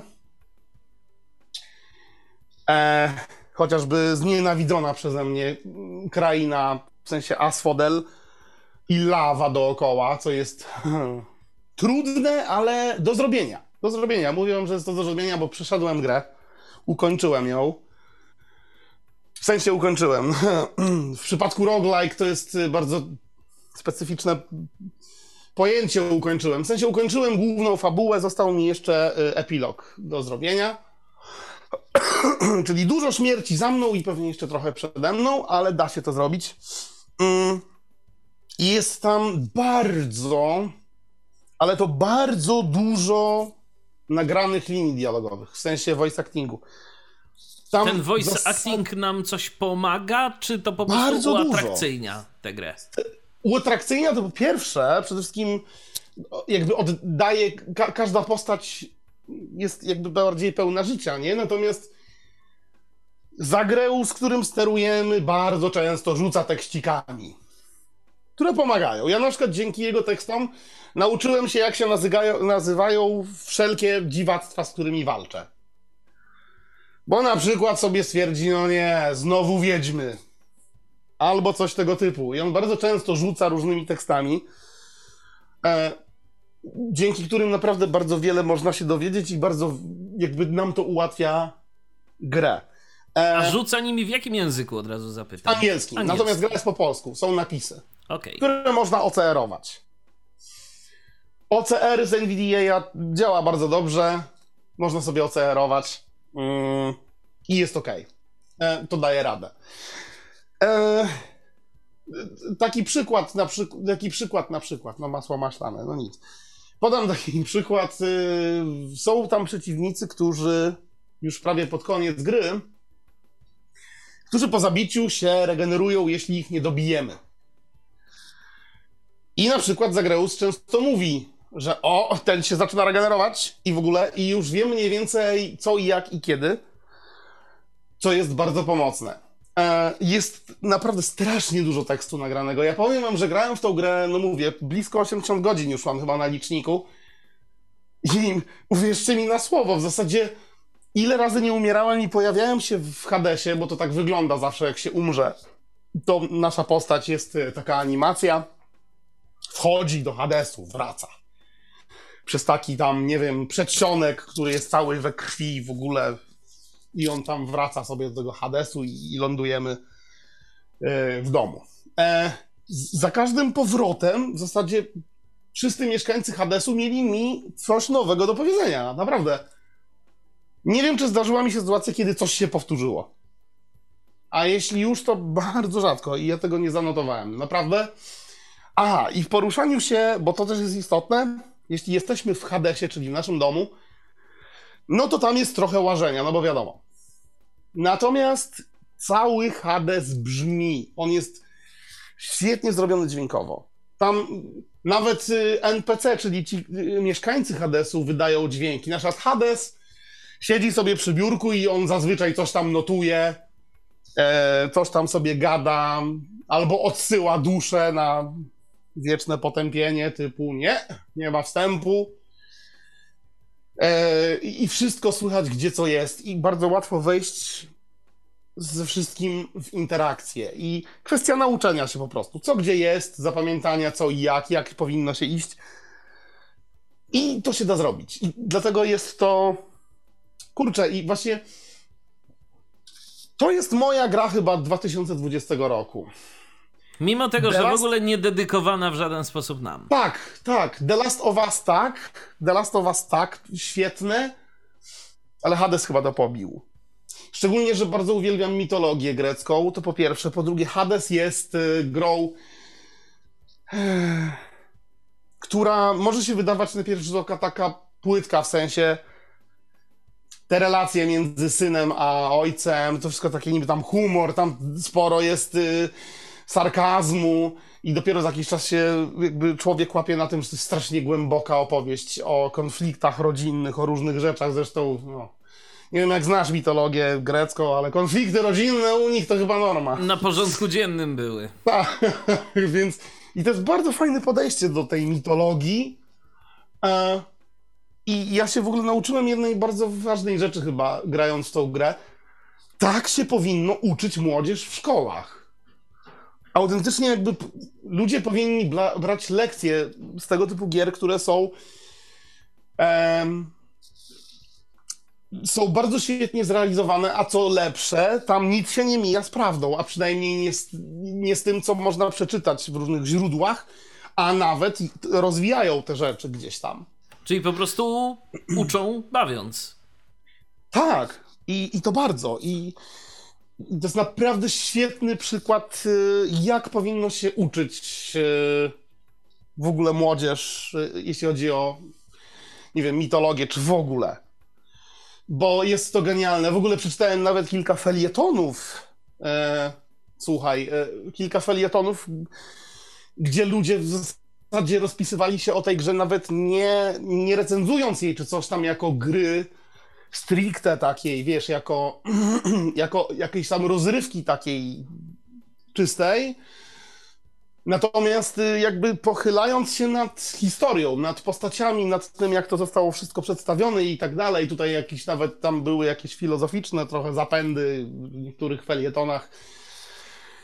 Także ta gra zrobiła spory szum wokół siebie w ogóle. Mm. I, i bardzo i w wielu miejscach wygrała tę tę kategorię gry 2020 roku. Niestety, od twórców wiem, że dostępności ta gra nie dostanie. Czemu nie, to nie wiem. Czemu nie są zainteresowani, nie wiem. Natomiast dla wszystkich mam informację, że są, tak, już są ludzie, którzy pracują nad modem do tej gry, który ma poprawić i dodać dostępność. No to fajnie, Więc będzie... trzeba liczyć na to, że będzie Jak jeszcze twórcy lepiej. nie chcą, to niezależna społeczność Tak, i właśnie pomoże. dlatego lubię niezależnych twórców. Y, Tymczasem y, mamy tu kolejną wypowiedź, y, tym Mhm. razem od Patesa. Według mnie Steam stał się o wiele bardziej dostępny niż był kiedyś. Gdyby poprawili tylko to logowanie, dostępność okienka, to by było świetnie. No, więc taka wypowiedź. A teraz jeszcze jedna gra, jeszcze jedna pozycja na liście, jaką tu wypisałeś. 13 Sentinels. Aegis Rim. Tak zdaje się powinienem to wymówić. O, 13 Sentinels, Aegis Rim. Em, tak, to jest kolejny przykład gry, która jest niedostępna, nie ma żadnych, żadnego accessibility. Ale muszę o niej wspomnieć, bo to jest gra, której tak jeszcze jej nie ukończyłem, ale po prostu nie mam na to ostatnio czasu, a to jest gra, która bardzo angażuje i tutaj trzeba pełnego skupienia i w ogóle. E, natomiast jestem już w połowie, nawet trochę ponad połową. E, I do tego pomyślałem sobie, że trzeba o tym wspomnieć. Jest to też kolejna gra, stety lub niestety, ekskluzywnie tylko na PlayStation 4 i PlayStation 5. Jest to gra od y, twórców różnych RPGów w przeszłości, jak Odin Sphere czy tam Muramasa. Generalnie blisko 30-osobowego studia z Japonii, Vanillaware. I grzechem byłoby nie wspomnieć chociaż troszkę o tej grze. A czym ona jest? Jest to hmm, miks visual novelki, czyli w, Ja- w Japonii w ogóle strasznie popularne są gry tak zwane visual novel. Czyli takie opowiastki. Zazwyczaj to tam jest tak, że się przewija i czyta, i czyta, i czyta, i czyta, i czyta, i czyta, i podejmuje się gdzieś tam jakieś wybory, ale nie zawsze które wpływają na rozgry, znaczy na to, co będzie dalej. No tak w skrócie tym są nowelki czytane, tak zwane. I w Japonii w ogóle są strasznie popularne gry. Natomiast 13 Sentinels poszło o krok dalej i mimo, że tutaj visual novel, ten element jest oczywiście ciągle aktywny i tutaj jest sporo czytania, a raczej słuchania, bo gra jest w pełni udźwiękowiona, w sensie jest jakby voice acting jest zaimplementowany w zasadzie chyba do każdej linijki tekstu i to w języku japońskim i angielskim na szczęście. Co cieszy. Co cieszy, gra nie posiada polskiej wersji językowej, aczkolwiek e, jest to tego typu gra, natomiast łącząca troszkę jeszcze z gatunku przygodówek, gdzie poruszamy się postacią, możemy wpływać, znaczy możemy jakby wchodzić w interakcję z obiektami, z, z osobami dookoła. E, I też ma taki, no powiedzmy, wmiksowany gatunek e, RTS-a, czyli takiej jakby strategii, powiedzmy, w uproszczeniu trochę nawet, gdzie zasiadamy za sterami mechów i po prostu tłuczemy się tam z kaiju, czyli tytułowymi bestiami, takimi maszynami, które zaatakowały świat, bo właśnie, o czym jest fabuła? Generalnie na pierwszy rzut oka fabuła jest tak oklepana, że już chyba nic bardziej nie może być oklepane, czyli mamy lata 80., Japonia się gdzieś tam podniosła po wojnie i w ogóle jest y, szał popkulturowy. E, I opowiada o grupie 13, jak to już tytuł wskazuje, nastolatków, którzy to nagle stają się, że tak powiem, mm, mimo wszystko wplątani, chcąc nie chcąc, w wojnę z tymi no, potworami tytułowymi, czyli kaiju, e, zasiadając za sterami tak zwanych sentineli, czyli mechów. E, czyli robotów, jakby ktoś jeszcze nie wiedział. No i generalnie to w skrócie, bo więcej, więcej nie można o tym powiedzieć, bo po prostu zepsułoby się cały cały misternie rozpisany plan, bo fabuła jest bardzo genialnie rozpisana i co ciekawe, mo- znaczy co ciekawe, ona nie jest liniowa. Możemy sobie odsłaniać karty tej fabuły w zasadzie w dowolnej kolejności, bo gra jest podzielona na ileś sekcji. Jest sekcja, w których wykonujemy misje walcząc właśnie za sterami tych e, mechów. I tam też jakby troszkę jest tej fabuły, bo jednak te postaci z sobą rozmawiają i tak dalej, i tak dalej. Jest. no, przepraszam. Jest sekcja, w której e, właśnie to, co mówiłem, tak, tak zwana visual novel, czyli bardziej skupiająca się na historii, tak w ogóle, czyli e, chodzimy, biegamy, tam, wchodzimy w interakcję ze wszystkim dookoła i tak składamy sobie fabułę. A dlaczego o tym mówię? Bo wcielamy się właśnie w 13 różnych nastolatków. I możemy się między nimi przełączać i z perspektywy ich wszystkich poznawać i układać tą całą historię, która dzieje się na przestrzeni ponad 100 lat. Bo bodajże od 1984 do 2160 chyba któregoś. Także tam jest sporo skoków w 200 czasie. lat. No, w sumie tak. Prawie 200.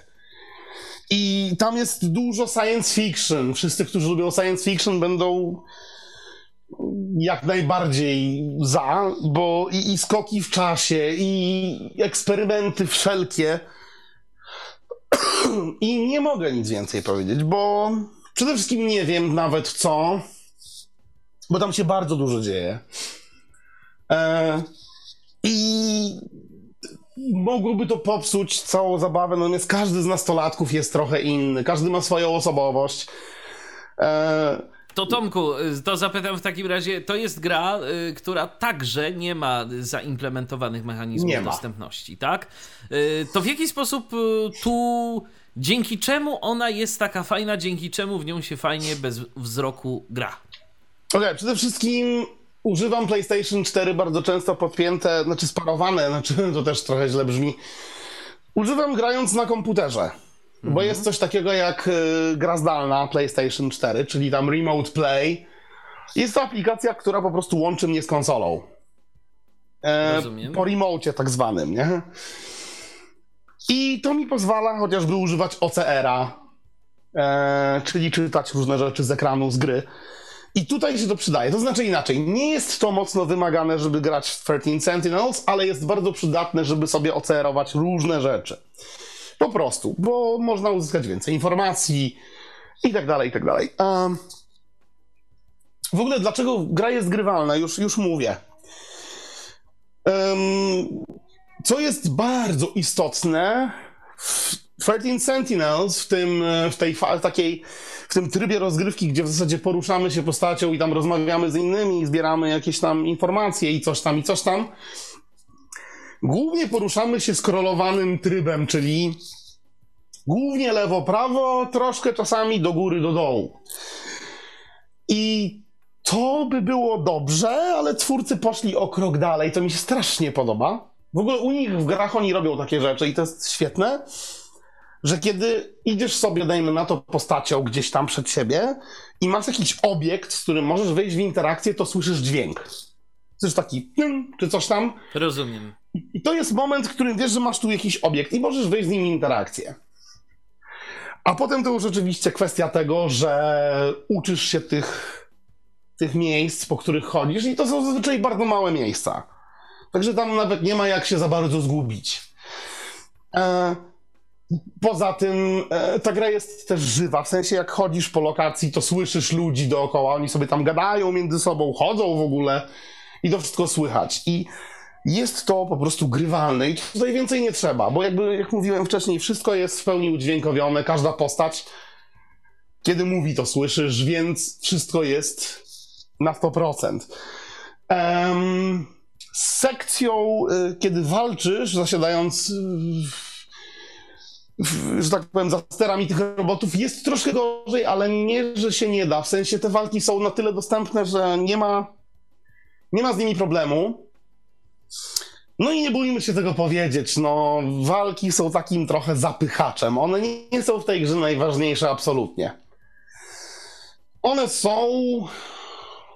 No i w zasadzie tylko tyle. One nie są nie wiadomo jak dobrze zrobione, nie wiadomo jak... Znaczy one są na tyle dobrze zrobione, żeby był klimat i on jest, ale one nie mają być po to, żeby, nie wiem, być główną osią napędową tej gry. Absolutnie nie. Więc one są po prostu i już. E, a jak się w nie gra, one głównie są ma się menu, z którego się wybiera akcję. E, najpierw się wybiera pilota, którym się chce coś zrobić. To jest w ogóle też dostępne, bo kiedy zaznaczamy różnych pilotów, to oni oczywiście mówią do nas, więc słyszymy kto to. A jak go zaznaczymy, to mamy po prostu listę różnych ataków, które możemy wykonać. E,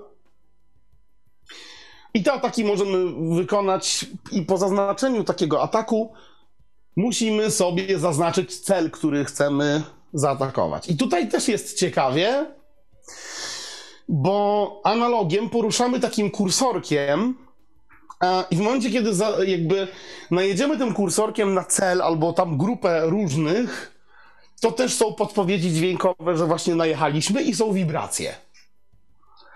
Więc generalnie da się to zrobić. E, czasami gdzieś tam utknąłem przez przypadek albo coś, ale generalnie nigdy nie miałem jakiegoś większego problemu. E, jest to do zrobienia. Oczywiście, tak jak mówiłem, przeszedłem dopiero jakąś połowę, troszkę ponad tej gry. E, więc jeszcze nie znam całości, ale wiem, wiem od ludzi, bo już znam kilka osób, które przeszły tą grę w całości bez żadnej pomocy kogokolwiek, czy to widomych, czy coś tam. Więc da się. Bezproblemowo. I tak oto przeszliśmy przez całą listę tych gier, jakie ty proponowałeś, e, które twoim zdaniem Tak, są dokładnie. e, fajne i które w roku 2020 rzeczywiście e, były godne uwagi, ale jeszcze tutaj nasi dwaj miłośnicy gier, czyli Arek i Patryk jeszcze czekają w naszym waiting roomie, więc teraz odbierzmy od nich połączenie jednocześnie, może nam jeszcze coś tu na koniec audycji powiedzą. Z czym do nas przybywacie? Może A? Patryku na dobry A, początek ty. Okej. To znaczy tak, ja się chciałem zapytać tutaj nie o Hadesa, ponieważ ja próbowałem być w Hadesie, próbowałem się z tą grą zmierzyć. Ja mam z nią pewien taki problem. E, Chodzi o to, że tam ja mam problem z namierzaniem przeciwników. W sensie takim, że słyszę, że na przykład tego potwora słyszę dość blisko, podchodzę, macham sobie tym mieczem, ale z jakiegoś powodu nie atakuję, a potem no, okazuje się, że atakuję, ale no jednak chyba za blisko trochę jestem. Wiem, że tam jest ten cały auto-aiming, czyli to auto-namierzanie. A wiadomo, niestety to jest też problem y, gier dla widzących. Przeglądanie wszelkich opcji z OCR-em to jest y, jedna wielka mordęga, ponieważ on niestety ma problem z odczytywaniem co pod którym klawiszem na klawiaturze albo na padzie się, się kryje. Jakbyś mi mógł powiedzieć, jak działa ten auto-aiming i gdzie on mniej więcej Nie jest? graj, nie graj na klawiaturze. Wiem, to już wiem. Nie graj na klawiaturze, graj na padzie, bo auto, w ogóle to nie jest auto, po prostu jest aim assist, on działa na padzie. Mhm, tam na klawiaturze jest Klawiatura, koszmarne klawiatura, klawiatura jest koszmarne, bo to nie inaczej. Bo kiedy używasz klawiatury, to to nie jest, co twórcy mieli na myśli. Twórcy dają wybór. Albo gamepad, albo klawiatura i mysz. No, tak, bo tam myszką się robi podstawowy atak. Dokładnie, więc y, jakby też też dla wszystkich, o czym zapomniałem powiedzieć, granie z kontrolerem głównie, tylko i wyłącznie. Mhm. A Wtedy doświadczenie tak, jest zupełnie inne. To mógłbyś mi na przykład powiedzieć, e, gdzie, jak działa ten auto-aiming, rozumiem, on, znaczy nie auto-aiming, tylko to ten assist działa e, w jaki sposób on On po prostu zachowuje? podczas swoich ataków stara się jakby atakować najbliższych przeciwników. A jeśli są dalej, to próbuje. To działa z każdą bronią. To działa z każdą bronią. Łącznie z tym, a- że nawet obróci ci postać na przykład. Pod jakim, ja wiem, że ty używasz kontrolera PS4, no ale ja mam rzeczywiście problem z tymi opcjami i niestety w żadnym konfigu INI nawet się tego nie da sprawdzić, który mniej więcej to jest u ciebie y, przycisk na padzie i jaki to by mógł być odpowiednik na 360, żebym po prostu wiedział, czy to na pewno mi działa. Przycisk do czego? E, do tego poma- wspomagacza namierzania. Nie, nie ja ma przycisku. To działa, autom- to działa automatycznie. No to Jak to coś... włączysz w opcjach, jak to włączysz w opcjach, bo to musisz włączyć, to musisz zaznaczyć w opcjach. Aha. Musisz sobie zaznaczyć e, aim assist. I to dopiero wtedy działa. Domyślnie to nie Ja jest to- ja to- włączone. Niby jest, ale ja miałem wyłączone i Martyna mi akurat powiedziała, bo rzuciła okiem moja żona na to i powiedziała po prostu, że jest wyłączone, więc musiałem to włączyć. I z tym, uwierz mi, dużo inaczej się gra. Ale też musisz, wiesz, pamiętać o tym, że każda broń inaczej działa, nie? Ma inny zasięg. Mi się E, udało dość daleko dojść i to bez trybu boskiego nawet. Tak potem go dopiero włączyłem. W Ale ogóle da jest się, taki nie, fajny. generalnie nie zniechęcaj się, bo jakby będziesz, ginął będziesz dużo razy i to, O, o, to, o to w roguelike'ach No tak, tak jak to Pamiętaj- powiedziałeś Tomku, na tym to w tych grach polega. tak, po prostu pamiętaj o tym, żeby się ulepszać w tym tak zwanym lustrze, które się ma w pokoju. Tam są ulepszenia za tak zwany darkness. Ulepszaj postać i próbuj, próbuj, próbuj, próbuj. Natomiast ja No. chciałem powiedzieć jeszcze a propos Steama i dostępności Steama i Epic Gamesa zarazem, to Epic Gamesa za, zahaczyć. O Steamie może ty byś wiedział w jaki sposób mi pomóc. Jest taki parametr, który się nazywa nomyślnik devu vrite, czyli ten taki, który wyłącza ten tryb DirectX, że jakby to menu kontekstowe z sekcjami jest jakby bardziej y, dla nas przyjazne, bardziej dla nas dostępne. Natomiast u mnie jakby w, od jakiegoś, od jakiejś tam Mm, Poczekaj. Od, od jakiejś którejś e, aktualizacji niestety u mnie jest taki problem, że niestety e, ten tryb NoDevu jakby nic nie daje i Włącz to menu... zintegrowaną, włącz zintegrowaną kartę graficzną. Mm, Znaczy on używa chyba tej zintegrowanej. Z tego co wiem, to ty ją masz wyłączoną w menedżerze urządzeń. Nie, nie, nie, I- mam ją włączoną. Nie. A, Znaczy u mnie, włączoną. u mnie ta funkcja też niewiele ostatnio robi, bo tam się też zmieniło. W sumie ja używam tylko Arka więc... działa. A spróbuj Tak. mm, insert akcentem przełączyć metodę renderowania tekstu w ZDSR-ze i wtedy plusy. Z NVDA jest też to niedostępne. Tak wiem, samo. ale tak po prostu mówię, bo tam może to inaczej być. Insert akcent. Natomiast o Epic Games jeszcze chciałem powiedzieć. Nie, Tomku, nie zgodzę się z tobą, ponieważ ja ostatnio sobie zainstalowałem GTA, bo sobie chciałem zrobić na ro- rozpieprz na pół miasta z modami, które mamy dostępne, mm, bo mamy taki. No to już chyba nawet było o tym mówione gdzieś.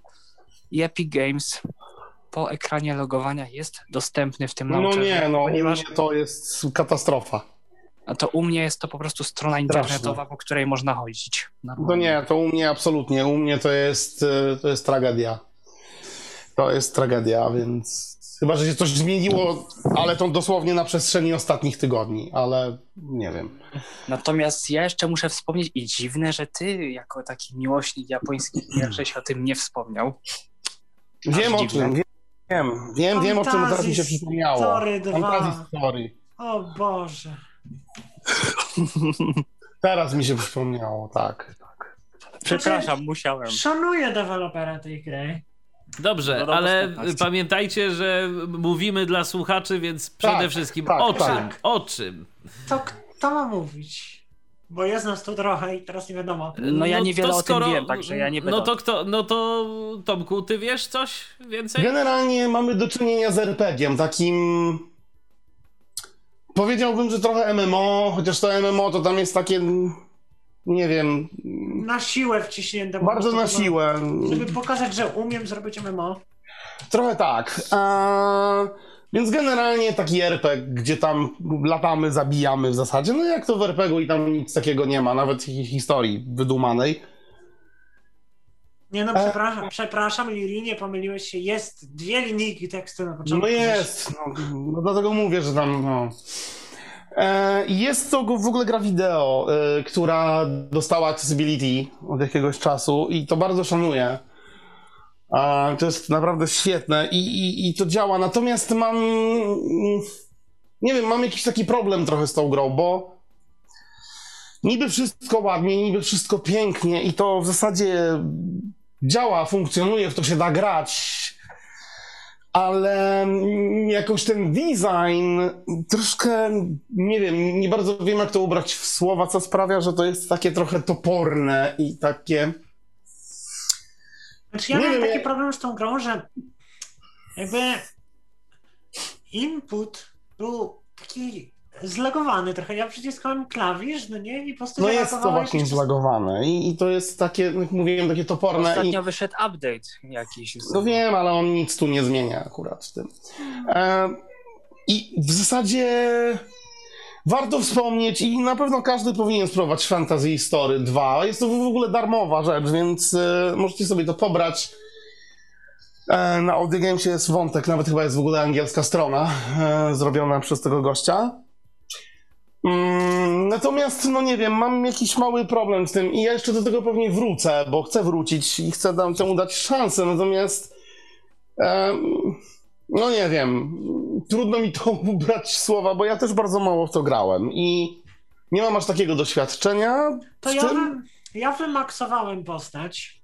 Nie, ja właśnie nawet nie, więc...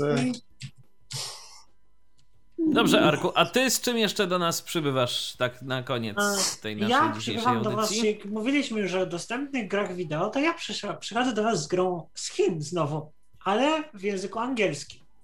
Lirin już się pewnie domyślasz o co chodzi. Chodzi o IC. A I see, no kurczę, nie przeszedłem, nie przeszedłem, ale mam to w kolejce, mam na Steamie. to jest strasznie dziwna gra, bo to jest gra, to jest, ludzie to określają, recenzenci, jako metagame, bo tam mamy strasznie przebitą tą czwartą ścianę.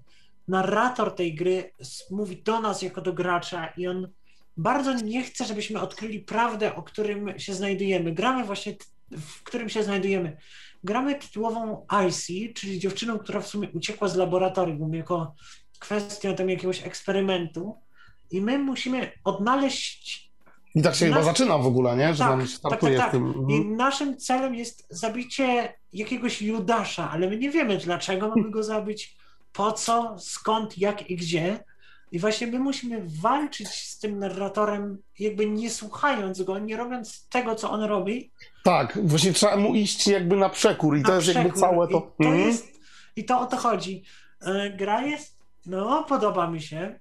Ale wiesz co, gdzieś utknąłem, dlatego nie wiem, czy to nie była kwestia, czy coś nie jest grywalne. Gdzieś tam utknąłem, nie ja, pamiętam przesz- gdzie. ja przeszedłem całość, więc się da. I bez oka oczywiście, bo ja nie liczę A tam, grania. nie wiem, ja mówię, bo nie wiedziałem grania. chyba, gdzie mam iść, czy coś takiego. W Tam sensie zawsze coś, idziesz coś... w prawo. Zawsze idziesz w prawo, jak nie w prawo, to musisz wyskoczyć po prostu do góry. Mhm. No jeszcze, jeszcze mam szansę, bo, bo bardzo mi się podoba pomysł, w ogóle wykonanie mi się podoba. Całkiem, całkiem ciekawe to jest. Chcę temu dać szansę, bo to jest niezłe. Nie tak. warto słuchać narratora. Nie słuchajcie. I dobry system walki, i dobry system Tak. walki, naprawdę, bardzo mi się podoba. Mm, tak, bo tam też się walczy, to jest taka, taka taki hack and slash To właśnie, jest czyli hack and tam... I ulepszamy też postać. Możemy Też, kupować tak. dodatkowe ataki. Mamy tam ich ze 20 chyba, czy ile Chyba tak, ataków. no. Dobrze, tutaj- słuchajcie, no, w no, międzyczasie, w międzyczasie pojawił nam się jeszcze na antenie kolejny słuchacz, więc Arku, jeżeli to już wszystko, to będę też Ci dziękował, bo będziemy się Okej, zbliżać powoli do końca naszej dzisiejszej audycji, e, więc dzięki za telefon, do Tak usłyszenia. Icy przypomniała na Tak, razie. no bardzo, bardzo dobrze, bardzo, Dobrze, bo bardzo mi też ciekawa przypomniałeś, muszę wrócić, muszę wrócić. A fakt. tymczasem jest z nami Ogoniciel. E, Dzień dobry, mam nadzieję, że jestem słyszalny. Jesteś nie mam słyszalny. pojęcia, bo po raz pierwszy się łączę na, y, że tak powiem, stronie. Zawsze dzwoniłem ze starej Nokii. No E, i słychać cię zawsze od razu lepiej. ja z taką, jakby to powiedzieć, troszkę niekoniecznie e, tematyką dotyczącą w 100% e, gier audio z 2020 roku, ale z, jakby to powiedzieć, może reklamą, może jakąś taką e, propozycją, nie wiem jak to powiedzieć, gdzie można by zaglądnąć. Otóż e, właśnie przed momentem e, był na antenie Arek, był na antenie Patryk. No i nasza trójka tworzy bloga, na którym publikujemy różne nagrania z różnych gier. Audio właśnie. No, powiedz mi, że to nie Elten i bardzo chętnie zajrzę. No to właśnie Elden. Natomiast blog jest dostępny, jak wiadomo, z zewnątrz, normalnie na zewnątrz, bo teraz Eldenowe blogi stoją na WordPressie, więc jak najbardziej można to sobie To przynajmniej tyle. No. wyklikać, obejrzeć i tak dalej. No i my tam robimy let's playe z bardzo różnych gier. Adres bloga mm, to jest y, zagrajmy.s.elten.blog, jeżeli się nie mylę, właśnie to sprawdzam.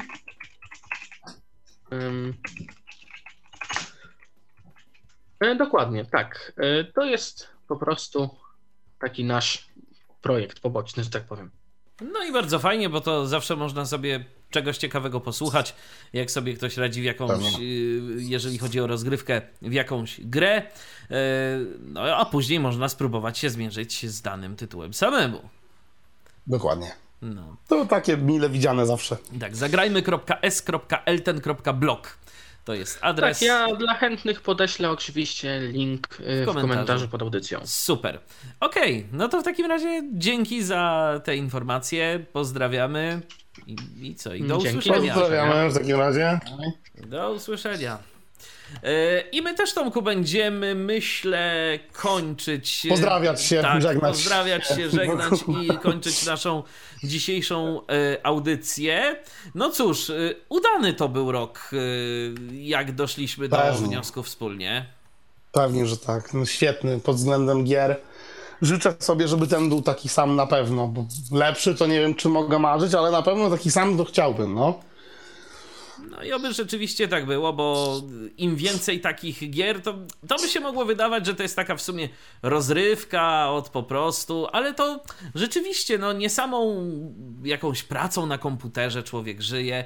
Od czasu do czasu naprawdę jest ochota, żeby się rozerwać, żeby sobie coś ciekawego pograć, żeby po prostu się tak A zwyczajnie... nawet jak na przykładzie The Last, of. Us, y, The Last of Us wiadomo, to nie do końca nawet się rozerwać i odmurzyć, bo jednak to jest dość zobowiązująca rozrywka jednak.